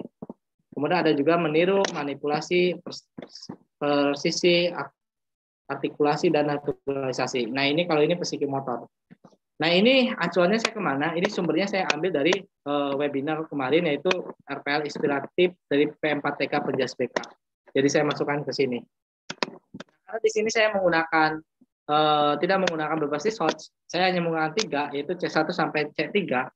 Saya di sini misalkan C1-nya menggunakan kata menyebutkan. Nah, ini masuk kategori C1. Maka saya tulis di sini C1 menyebutkan tentang potensi diri misalnya. Nah, di sini didik atau konseli dapat menjelaskan. Menjelaskan apa? Saya menggunakan C2. Nah, kita bisa juga mengganti memperkirakan, menceritakan, misalkan merincikan, membandingkan. Nah, misalkan eh, kita mau C2-nya itu mendiskusikan. Bisa kita ganti di sini dari menjelaskan menjadi mendiskusikan. Itu tentang potensi diri misalnya. Nah, ini titik-titik ini diisi dengan topiknya. Titik-titik ini bisa diisi topik.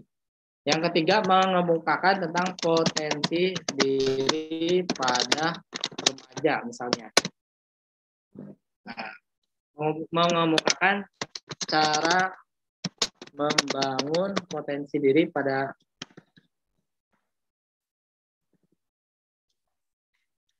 Nah, misalkan ini C3-nya. Nah, ini kalau sudah jadi C3, lalu kita tinggal memilih kelas, kemudian metodenya, metode apa? Misalkan metode ceramah plus.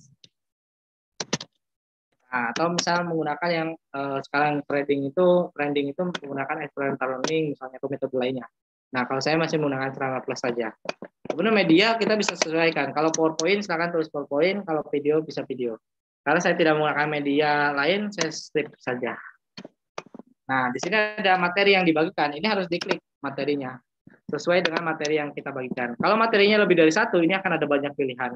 Karena kita cuma satu, jadi saya tinggal klik potensi diri. Nah, terakhir di sini tinggal klik generate RPL. Nah, pada intinya, kita hanya tinggal mengisi data-data yang ada di sini dan menyesuaikan sesuai kondisi kita. Terakhir, klik generate RPL-nya, maka hasilnya akan muncul. Nah, di sini kita bisa mencetak, mengklik print, hasil RPL-nya akan seperti ini. Berbasis satu lembar. Dan data yang kita inputkan di profil sekolah ini akan muncul. Nah, kemudian kita juga bisa membagikan materinya ke peserta didik bisa melalui WhatsApp maupun Google Classroom. Nah, misalkan kita mau bagikan nih, caranya adalah tinggal klik bagikan ke peserta didik, lalu copy linknya. Nah, ini bisa dikopikan linknya ke peserta didik kita misalnya. Nah, ini nanti bisa dibaca oleh peserta didik uraian materinya. Nah, itu gambaran eh, tentang aplikasi GoRPL. Itu gambaran dari eh, aplikasi GoRPL. Mungkin itu aja, Bu, yang eh, mau saya sampaikan. Karena waktu kita terbatas, mungkin selebihnya bisa tanya jawab atau sharing. Terima kasih atas uh, antusiasnya dan responnya. Saya kembalikan ke moderator. Baik, terima kasih Mas Tata luar biasa ya. Teman-teman mungkin uh, ada yang terpana, entah terpana sama pematerinya atau terpana dengan isi materinya. Ada yang sampai update status juga loh. Bayangin masih bikin coding-coding kayak gitu. Betapa pusingnya gitu ya. Nah inilah teman-teman gambaran sebuah inovasi BK yang dihasilkan oleh seorang praktisi dan juga yang Mas Tata lulus dari S1 tahun berapa Mas? Kalau saya boleh tahu Mas 2020 iya wah fresh graduate ya dan sekarang sudah bekerja ya. Nah ini loh teman-teman menunjukkan apa sebagai sebuah bukti nyata bahwa kita sebagai guru BK itu yang kalau dibilang nggak punya pekerjaan nggak benar ya. Padahal banyak sekali pekerjaannya. Nah oke. Okay. Barangkali ada yang mau bertanya sambil Bu Fariha menunggu pertanyaan dari kalian, saya akan bertanya sendiri kepada Mas Tata. Boleh ya Mas ya? Silahkan teman-teman kalau ada yang mau bertanya boleh raise hand ataupun menulis pertanyaannya di kolom chat atau kalau sudah tertampung lewat panitia nanti panitia bisa menghubungi Bu Faria biar saya bisa membacakan pertanyaannya. Nah, pertanyaan dari saya dulu Mas kita diskusi saja wis Mas.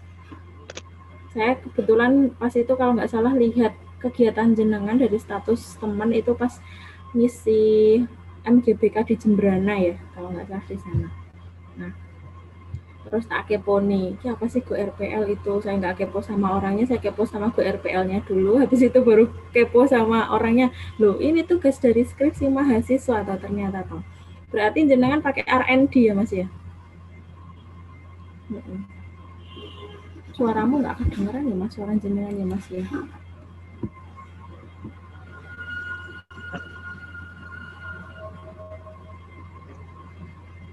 Iya Suaranya Bu. Oke, sudah sudah terdengar.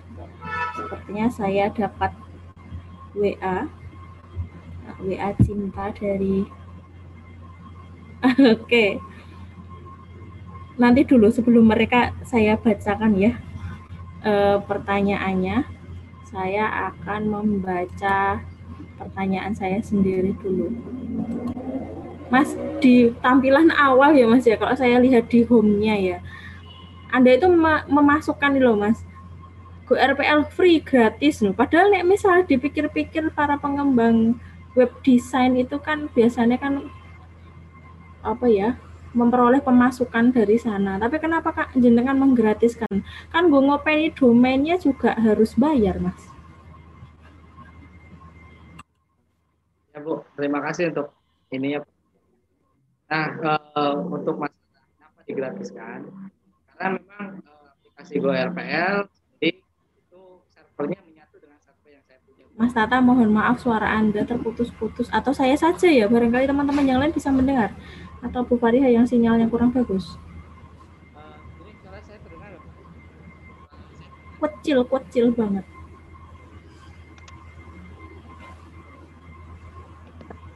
Oh iya, ini masih ada. Suaranya masih terputus-putus Mas Tata dari Mas Ujianto di Pramun Tias. Iya, masih tidak terdengar sepertinya ya. Kecil Mas, kecil. Hmm. Nah, ini, ini sudah terdengar Bu suara saya? Iya, iya, oke, sudah. Sebenarnya saya agak kurang dekat dengan kamera. Nah, eh, mengenai kenapa kok digratiskan aplikasinya tidak berbayar saja. Nah, eh, sesuai dengan ini Bu apa namanya? Sesuai dengan pekerjaan saya, saya adalah pekerjaannya sebagai selain seorang guru, kebetulan sebagai web developer dari eh, saya eh, saya eh, bekerja sebagai web developer juga. Jadi di web developer itu kan saya punya server pribadi nih untuk kegiatan untuk kepentingan website yang saya buat. Nah, sengaja saya titipkan di uh, server yang saya punya. Nah, mengapa uh, tidak saya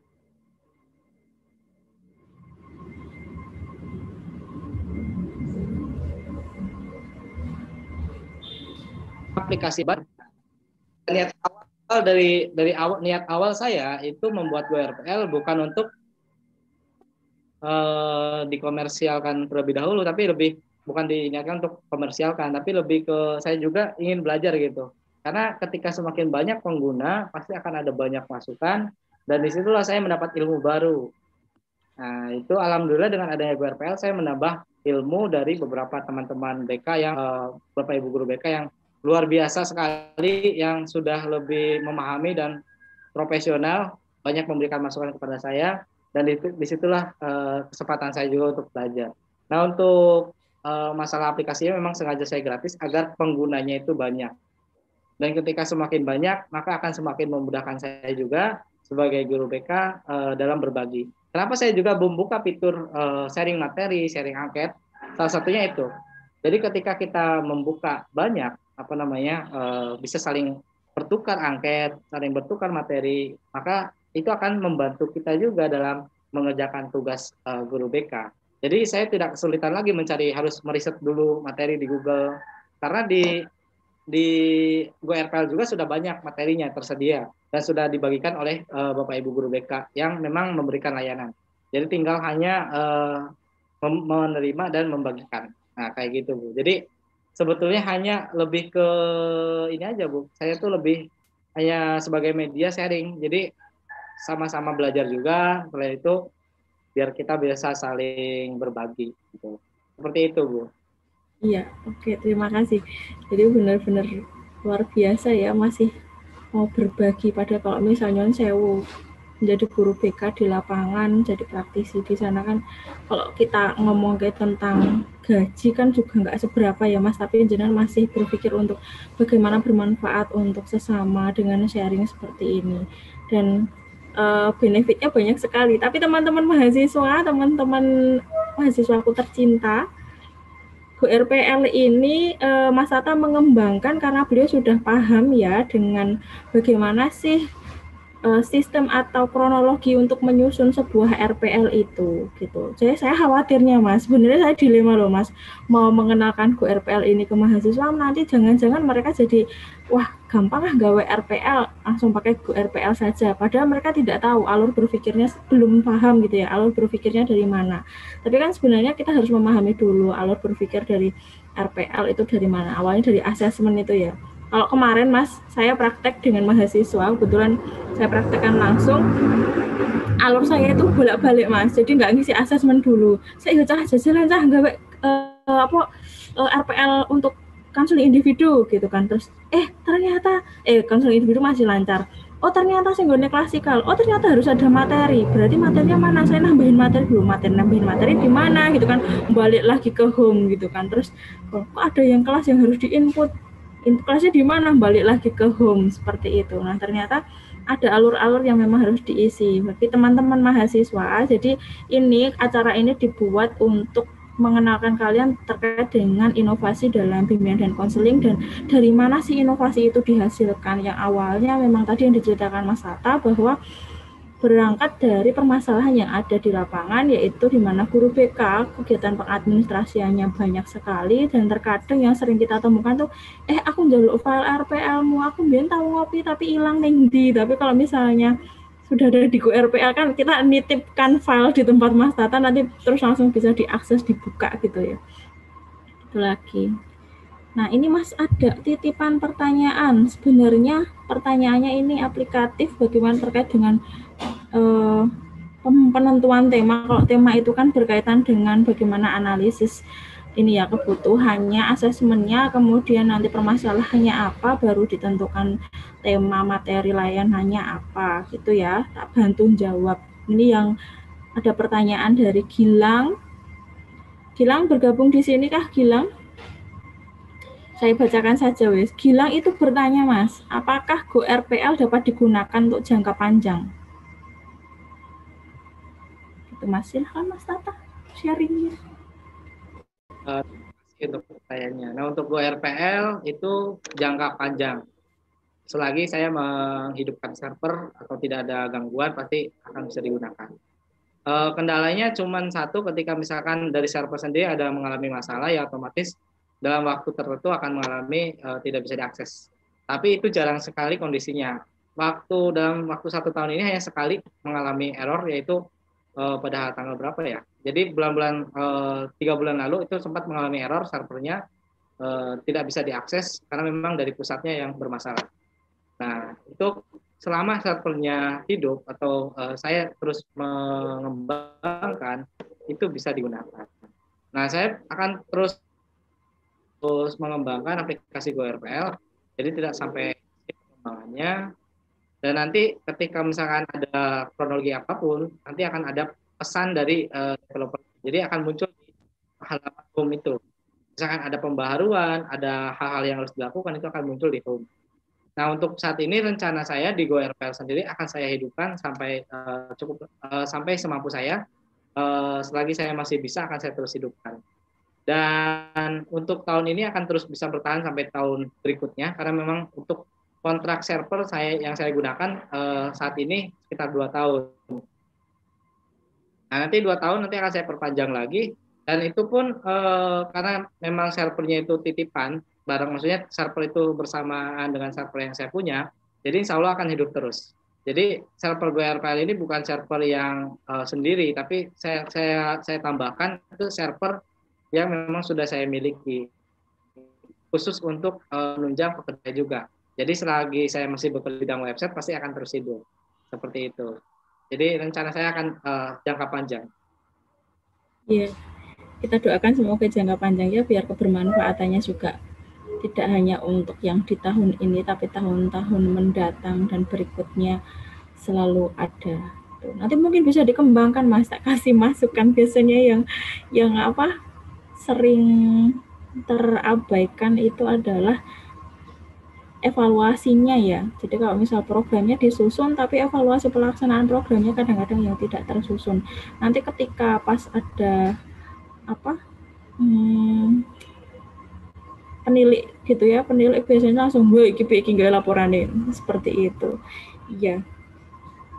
Nah, terus ada pertanyaan lagi. Hmm apakah GoRPL sudah terimplementasi di seluruh daerah Indonesia? Belum ya Mas ya.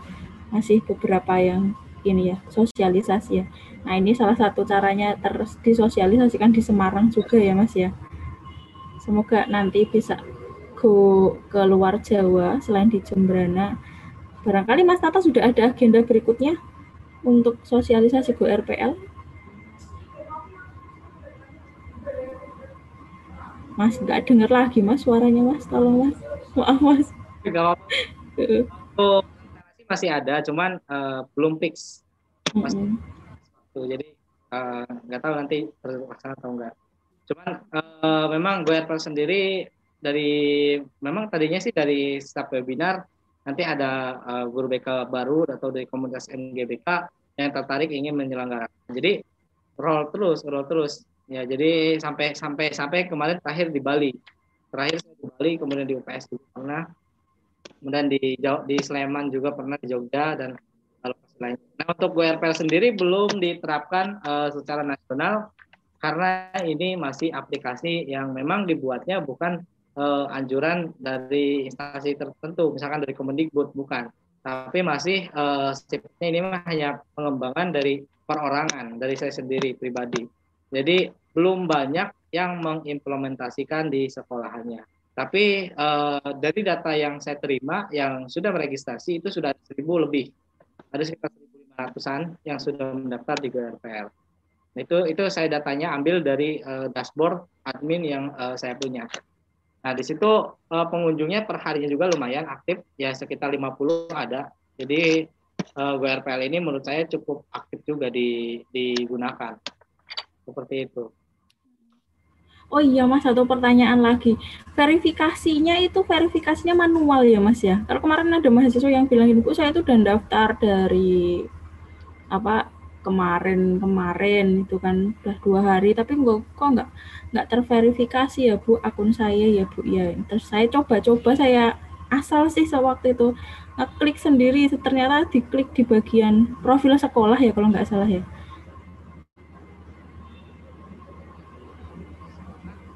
Mas Tata maaf, maaf agak Mas dulu lagi nggak denger lagi Mas. Di profil sekolah itu tujuannya apa?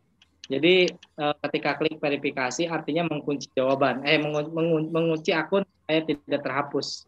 Itu letaknya ada di profil sekolah di bagian bawah kok. Itu ada tombol kuning verifikasi. Nah itu kalau sudah verifikasi nanti akan dicoba. Biasanya kadang-kadang ada yang eh, akun akun tak bertuan gitu, banyak sekali akun tak bertuan. Jadi bikin akun setelah itu nggak digunakan atau bahkan nggak diisi di namanya, dimanfaatkan. Sehingga kalau misalnya tidak terverifikasi, nanti sistemnya akan menyeleksi sendiri, akan menghapus akun-akun apa aja yang tidak ter eh, tidak terverifikasi. Jadi menghemat juga menghemat eh, data dari seperti itu. Iya. Seperti Waduh, jangan-jangan itu akun-akun tidak bertuan itu ulahnya mahasiswa saya suruh praktek-praktek gitu, Mas. Maaf ya, Mas ya. Nanti kalau kira- kira-kira dia nggak aktif, hapus saja, Mas. Nggak apa-apa, Mas. Biar bikin sendiri. Biar eh, biar bikin lagi nanti kalau udah jadi guru kan. Hmm. Maaf ya, Mas ya. kalau menu-menui servernya. Iya, karena kebetulan eh, yang sudah saya kenalkan itu ada dua kelas dua, dua kelas dua kelas yang saya kenalkan dengan QRPL dan ini mungkin kelas yang dua lagi juga jadi kenalan di sini. Nanti mungkin ada yang mencoba uji coba untuk bagaimana sih pengalamannya jadi punya user experience menggunakan uh, QRPL ini sendiri. Begitu ada pertanyaan teman-teman? Ada diskusi lagi mohon izin bertanya Mas Tata saya bacakan ya dari Mbak Nur Siti Aisyah. Hai Aisyu. Atau Aisyu mau tanya langsung ini? Bacakan saja ya. Saja nih ditanya langsung ben kelihatan wajahnya Aisyu itu yang mana.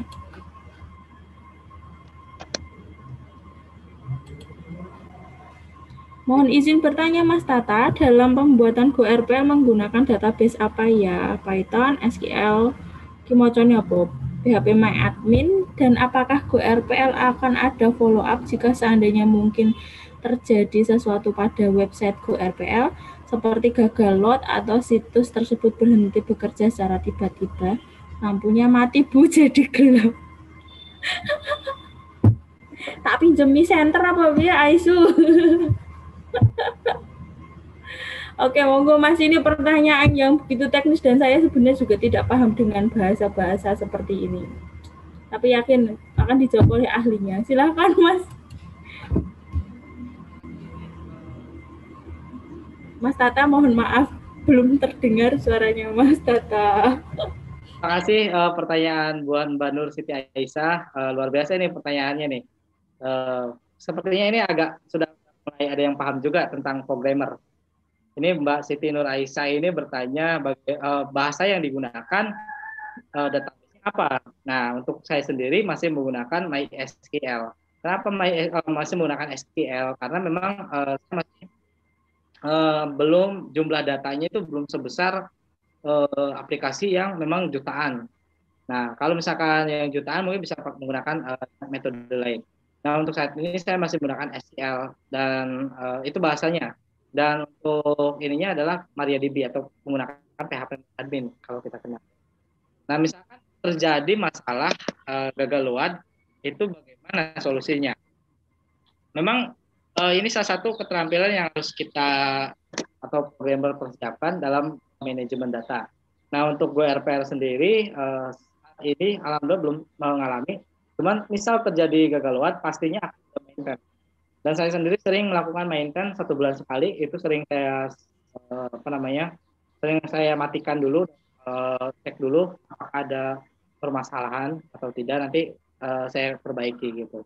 Dan biasanya saya juga sering ngecek apakah ada bugs atau hal-hal yang berbahaya yang masuk ke aplikasi GoRPL. Nah, di situ biasanya saya juga jadi sering memantau, sering memantau error-error dari aplikasi GoRPL. Nah, untuk sejauh ini aplikasi GoRPL masih baik-baik aja, alhamdulillah belum ada kendala. Dan saya juga uh, server yang saya gunakan kerjasama dengan uh, server yang memang uh, penyedia server yang sudah profesional. Jadi ketika ada kendala, misalkan ada yang uh, entah itu hacker maupun orang yang berniat buruk, masuk ke dalam aplikasi GoRPL dan menyebabkan gangguan, itu akan segera dibantu juga dari sisi tim teknis uh, penyedia hosting atau penyedia servernya. Dan dari saya sendiri uh, sering melakukan maintain atau perbaikan pengembangan-pengembangan. Biasanya nantinya akan ada laporan, uh, misalkan ada permasalahan akan lapor ke saya dan karena saya menyantumkan nomor HP juga di halaman uh, depan GoRPL. Kemudian uh, GoRPL sendiri saat ini masih menggunakan MySQL atau database-nya PHP MyAdmin karena memang jumlah datanya belum sebanyak uh, aplikasi lainnya.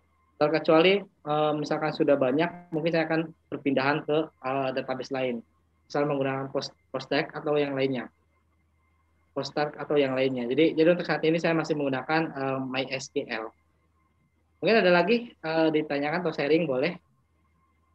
Oke, ayo teman-teman mahasiswa uh, mungkin yang sedang menyusun skripsi ini gini Mas Tata, sharing saja ya. Benar kan ambilnya R&D, mungkin uh, sebagian teman-teman mahasiswa ada yang ngambil R&D juga, tapi ada juga yang merasa Bu R&D takut Bu, takut gak bisa Bu, gitu, takut sulit Bu. Nah, bisa bagi tipsnya nggak Mas?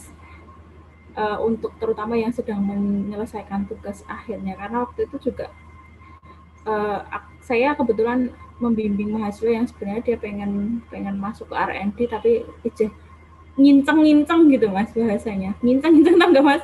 Lagi masih ngintip gitu. Kira-kira saya bisa nggak di sini bu? Bisa bagi tipsnya mas. Jadi ketika uh, teman-teman mahasiswa membuat skripsi itu tidak hanya skripsi yang sekedar selesai tetapi juga bisa memberikan impact. Kalau saya melihatkan Mas Tata uh, membuat sebuah skripsi bermanfaat untuk para guru BK, kemudian juga tentunya bermanfaat untuk Mas Tata. Mungkin Mas Tata free di websitenya, mohon maaf ya Mas ya, tapi jenengan jadi punya apa ya track record gitu ya. Orang-orang di Indonesia nanti akan mengenal Mas Tata dengan GoRPL-nya ini gitu. Jadi kredibilitasnya sudah tidak diragukan lagi lah. Ya, mungkin Mas mohon sharingnya Mas biar teman-teman kita, teman-teman yang ada di UGRIS, mahasiswa yang nantinya akan menyusun skripsi itu punya motivasi untuk gak usah takut lah sama R&D.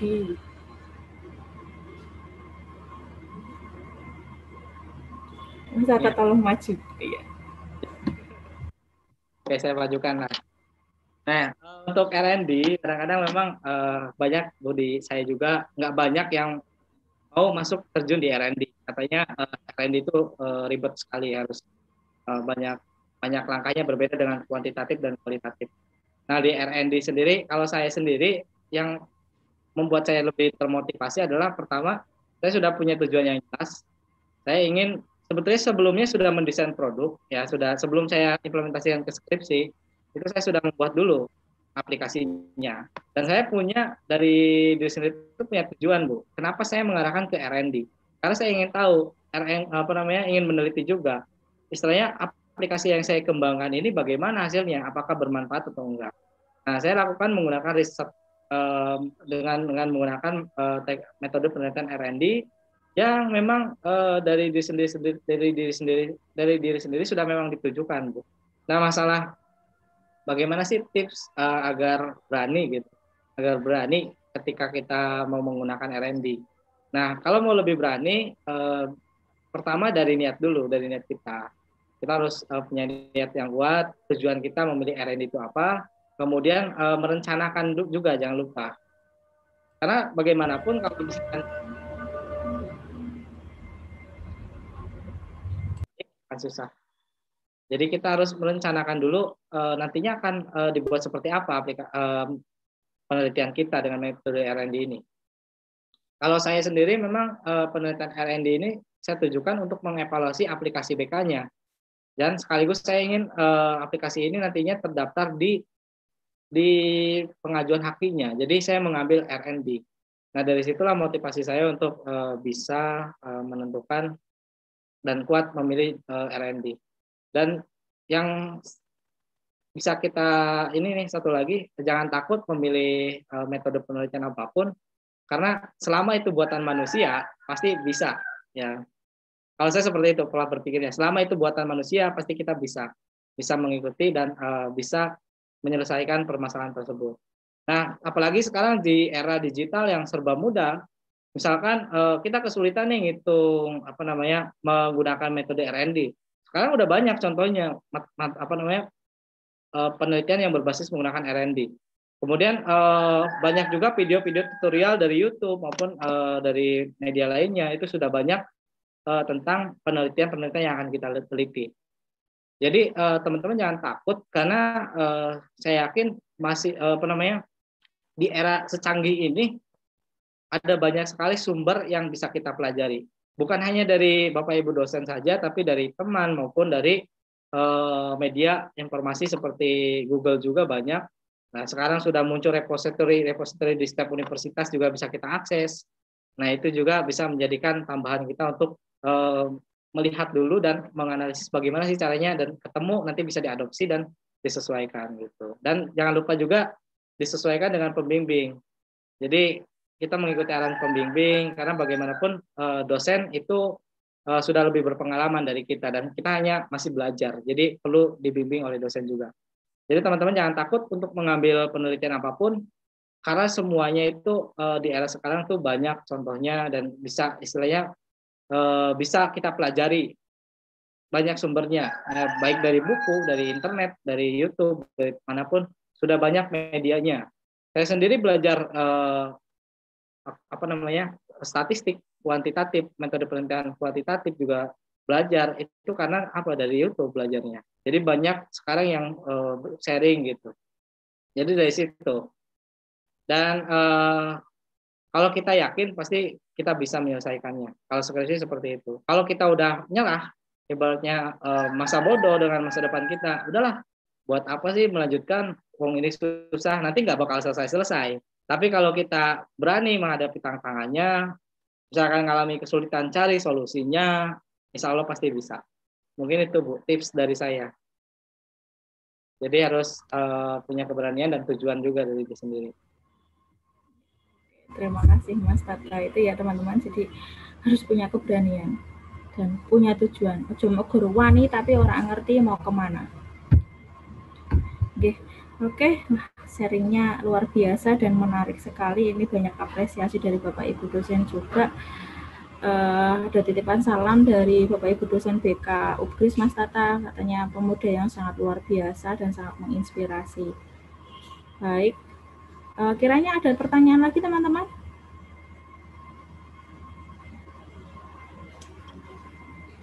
Ya, Gak ada pertanyaan lagi?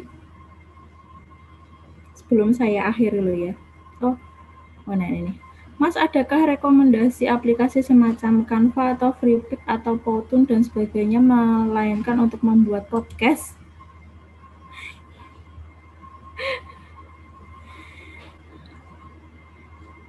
Uh, baik, terima kasih untuk pertanyaan dari Mbak Siti Nur Siti Aisyah. Nah, adakah rekomendasi aplikasi semacam Canva, Prepik, uh, dan sebagainya untuk membuat podcast? Nah, kalau untuk membuat podcast biasanya butuhnya adalah uh, untuk alat editornya. Biasanya kalau saya sih editornya bisa menggunakan uh, apa namanya Primora. Nah, itu untuk uh, basic dari editornya. Nah, kalau misalnya kita butuh konten, butuh konten seperti background maupun uh, konten tambahan ataupun yang lainnya yang untuk mengisi video kita itu bisa memanfaatkan kalau saya sih biasanya lebih ke Prepik gitu, prepik.com. Nah, tapi kalau misalkan ada yang uh, bentuknya ilustrator bisa juga di app ITG kalau nggak salah ada itu. App ITG juga bagus. Nah, ada banyak sekali. Cuma kalau untuk podcast yang saya rasa sih yang saya yang kita butuhkan kalau untuk podcast itu medianya eh, paling editornya. Editornya saya menggunakan Primora biasanya. Dan kalau mau bikin uh, openingnya atau bumpernya itu bisa menggunakan uh, apa ya namanya? Saya lupa. Bisa menggunakan PowerPoint di desain, nanti dikonversikan ke video juga bisa. Itu untuk membuat openingnya. Jadi ada banyak cara sebetulnya. Untuk bumper juga ada di Google. Kalau misalkan mau menggunakan bumper opening untuk podcast, tinggal tulis aja free bumper gitu. Nanti tinggal pilih mana yang cocok untuk podcast kita, bumpernya yang cocok atau pembuka opening yang cocok untuk kita itu apa. Itu sudah banyak di Google. Tinggal kita, kita tulis aja uh, free free generate bumper video. Nanti ada muncul. Biasanya saya dulu seperti itu kalau mau bikin opening. Dan untuk uh, kegiatan podcastnya biasanya memanfaatkan video editor yang saya gunakan adalah Primora. Biasanya seperti itu sih. Itu Bu untuk pertanyaan Mbak Siti Nur Aisyah. Iya, terima kasih. Jangan-jangan Aisyah sudah ngepoin Mas Tata ya. Baik, terima kasih semuanya. Terima kasih banyak Mas Tata untuk sharingnya, untuk ilmu yang dibagikan kepada kami siang hari ini. Saya penasaran ini sama Mas Ujianto Dwi Pramuntias. Ini temannya Mas Tata apa bukan ya? Atau mahasiswa BK? BK Ugris maksud saya. Pak Uji dari Guru BK Brebes. Uh, oh gitu, iya iya iya. Mantesan kok kalau mahasiswa kok namanya saya belum familiar gitu. Ya Pak, salam kenal Pak. Kami dari BK Ugris Pak. uh, Oke, okay. Tadi saya belum sempat membacakan CV-nya ya teman-teman. Jadi Mas Ata ini menjadi narasumber dalam berbagai macam diklat dan diklat nasional Guru BK Belajar, diklat nasional Cafe Kons, diklat nasional MGBK Brebes, diklat nasional MGBK Magelang, diklat nasional MGBK Sleman, diklat nasional MGBK Jemberana Bali, diklat UPS Tegal. Dia punya skill uh, developer web, kemudian public speaking kelihatan banget ya tadi uh, public speakingnya juga bagus. Kemudian, nah untuk portofolio produknya nih ada Go RPL, kemudian ada SIM Zakat, Sistem Informasi Zakat, si Petri, Sistem Informasi Antropometri, Sitori, Sistem Inventory, Sita, Sistem tam, uh, Informasi Taman Baca, Sidawa, Sistem Informasi Data Warga, si lulus sistem informasi kelulusan, SIM PPDB, sistem informasi PPDB, GMAPL, guru mata pelajaran, web company profile, website perusahaan, web landing page atau web marketing, web store, website toko online. Nah, teman-teman itulah sosok dari Mas Tata Kustara, profilnya yang Oke. Okay ini nih. Mohon doanya buat Krenomela BK Brebes Bu terkait kreativitas inovasi media layanan BK komunitas yang dari Pak Tata juga. Wah luar biasa. Luar biasa ini ternyata. Wah kita benar-benar bisa join ini. BK Ubrus itu sebenarnya uh, profil lulusannya memang dibentuk untuk bisa menjadi pengembang media layanan BK dan nanti insya Allah bulan depan Pak kami akan mengadakan workshop eh, terkait dengan pengembangan media layanan BK. Monggo kalau misalnya nanti mau join terkait dengan pengembangan layanan BK eh, lebih pada grafis dan nanti juga ada audio audionya juga pengembangan media audio begitu. Semoga suatu saat nanti kita juga akan bisa join lagi nggih Pak nggih.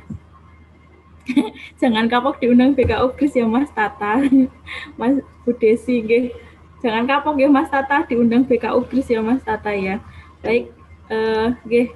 Terima kasih. Sebelum acaranya kami tutup, mohon untuk berkenan membuka kameranya, on kamera dulu teman-teman kita foto bersama.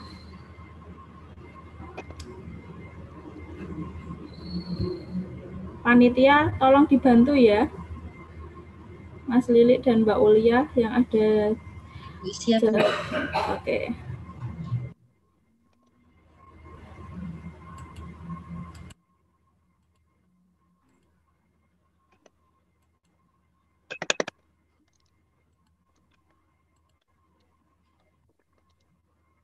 Silakan dibuka dulu semua kameranya. Aduh, Mas.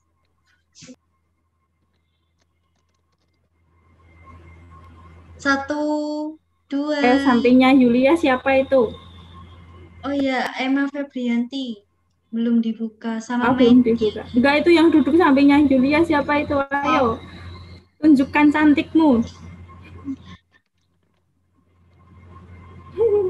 Mbaknya malu-malu, Bu.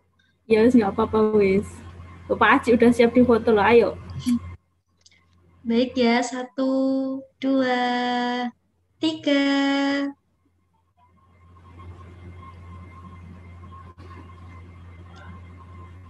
Yang kedua, yang kedua. Gaya bebas ya, Bu? Pakai gaya nggak, Bu? Ya bebas. Pakai kayak gimana nggak kelihatan kayak gini-gini kupu-kupunya. Tutup mata, Bu. Senyum dong Pak Set.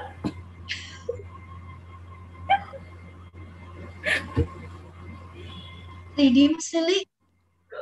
Satu, dua, tiga.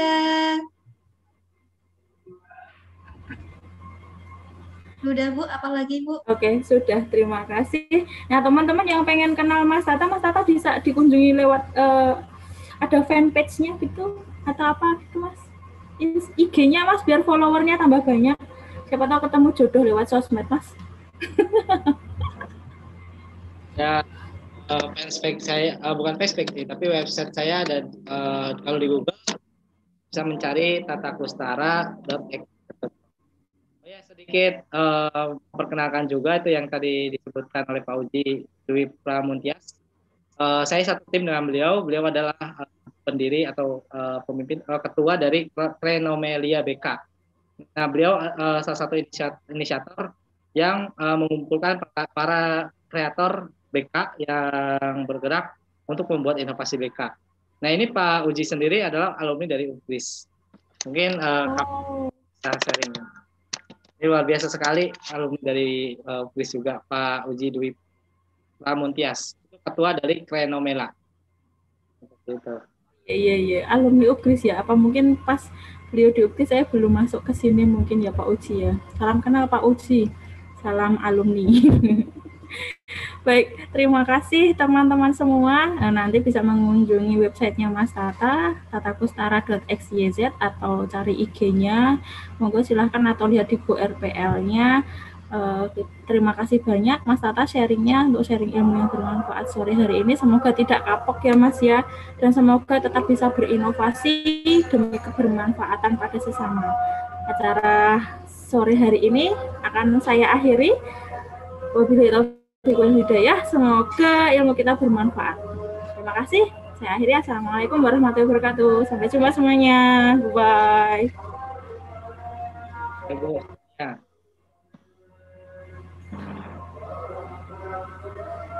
Izin pamit duluan Bapak Ibu. Terima kasih. Eh, mohon maaf barangkali ada kesalahan dari saya. Eh, terima kasih sekali lagi sudah mengundang dan mengajak silaturahmi di melalui online ini.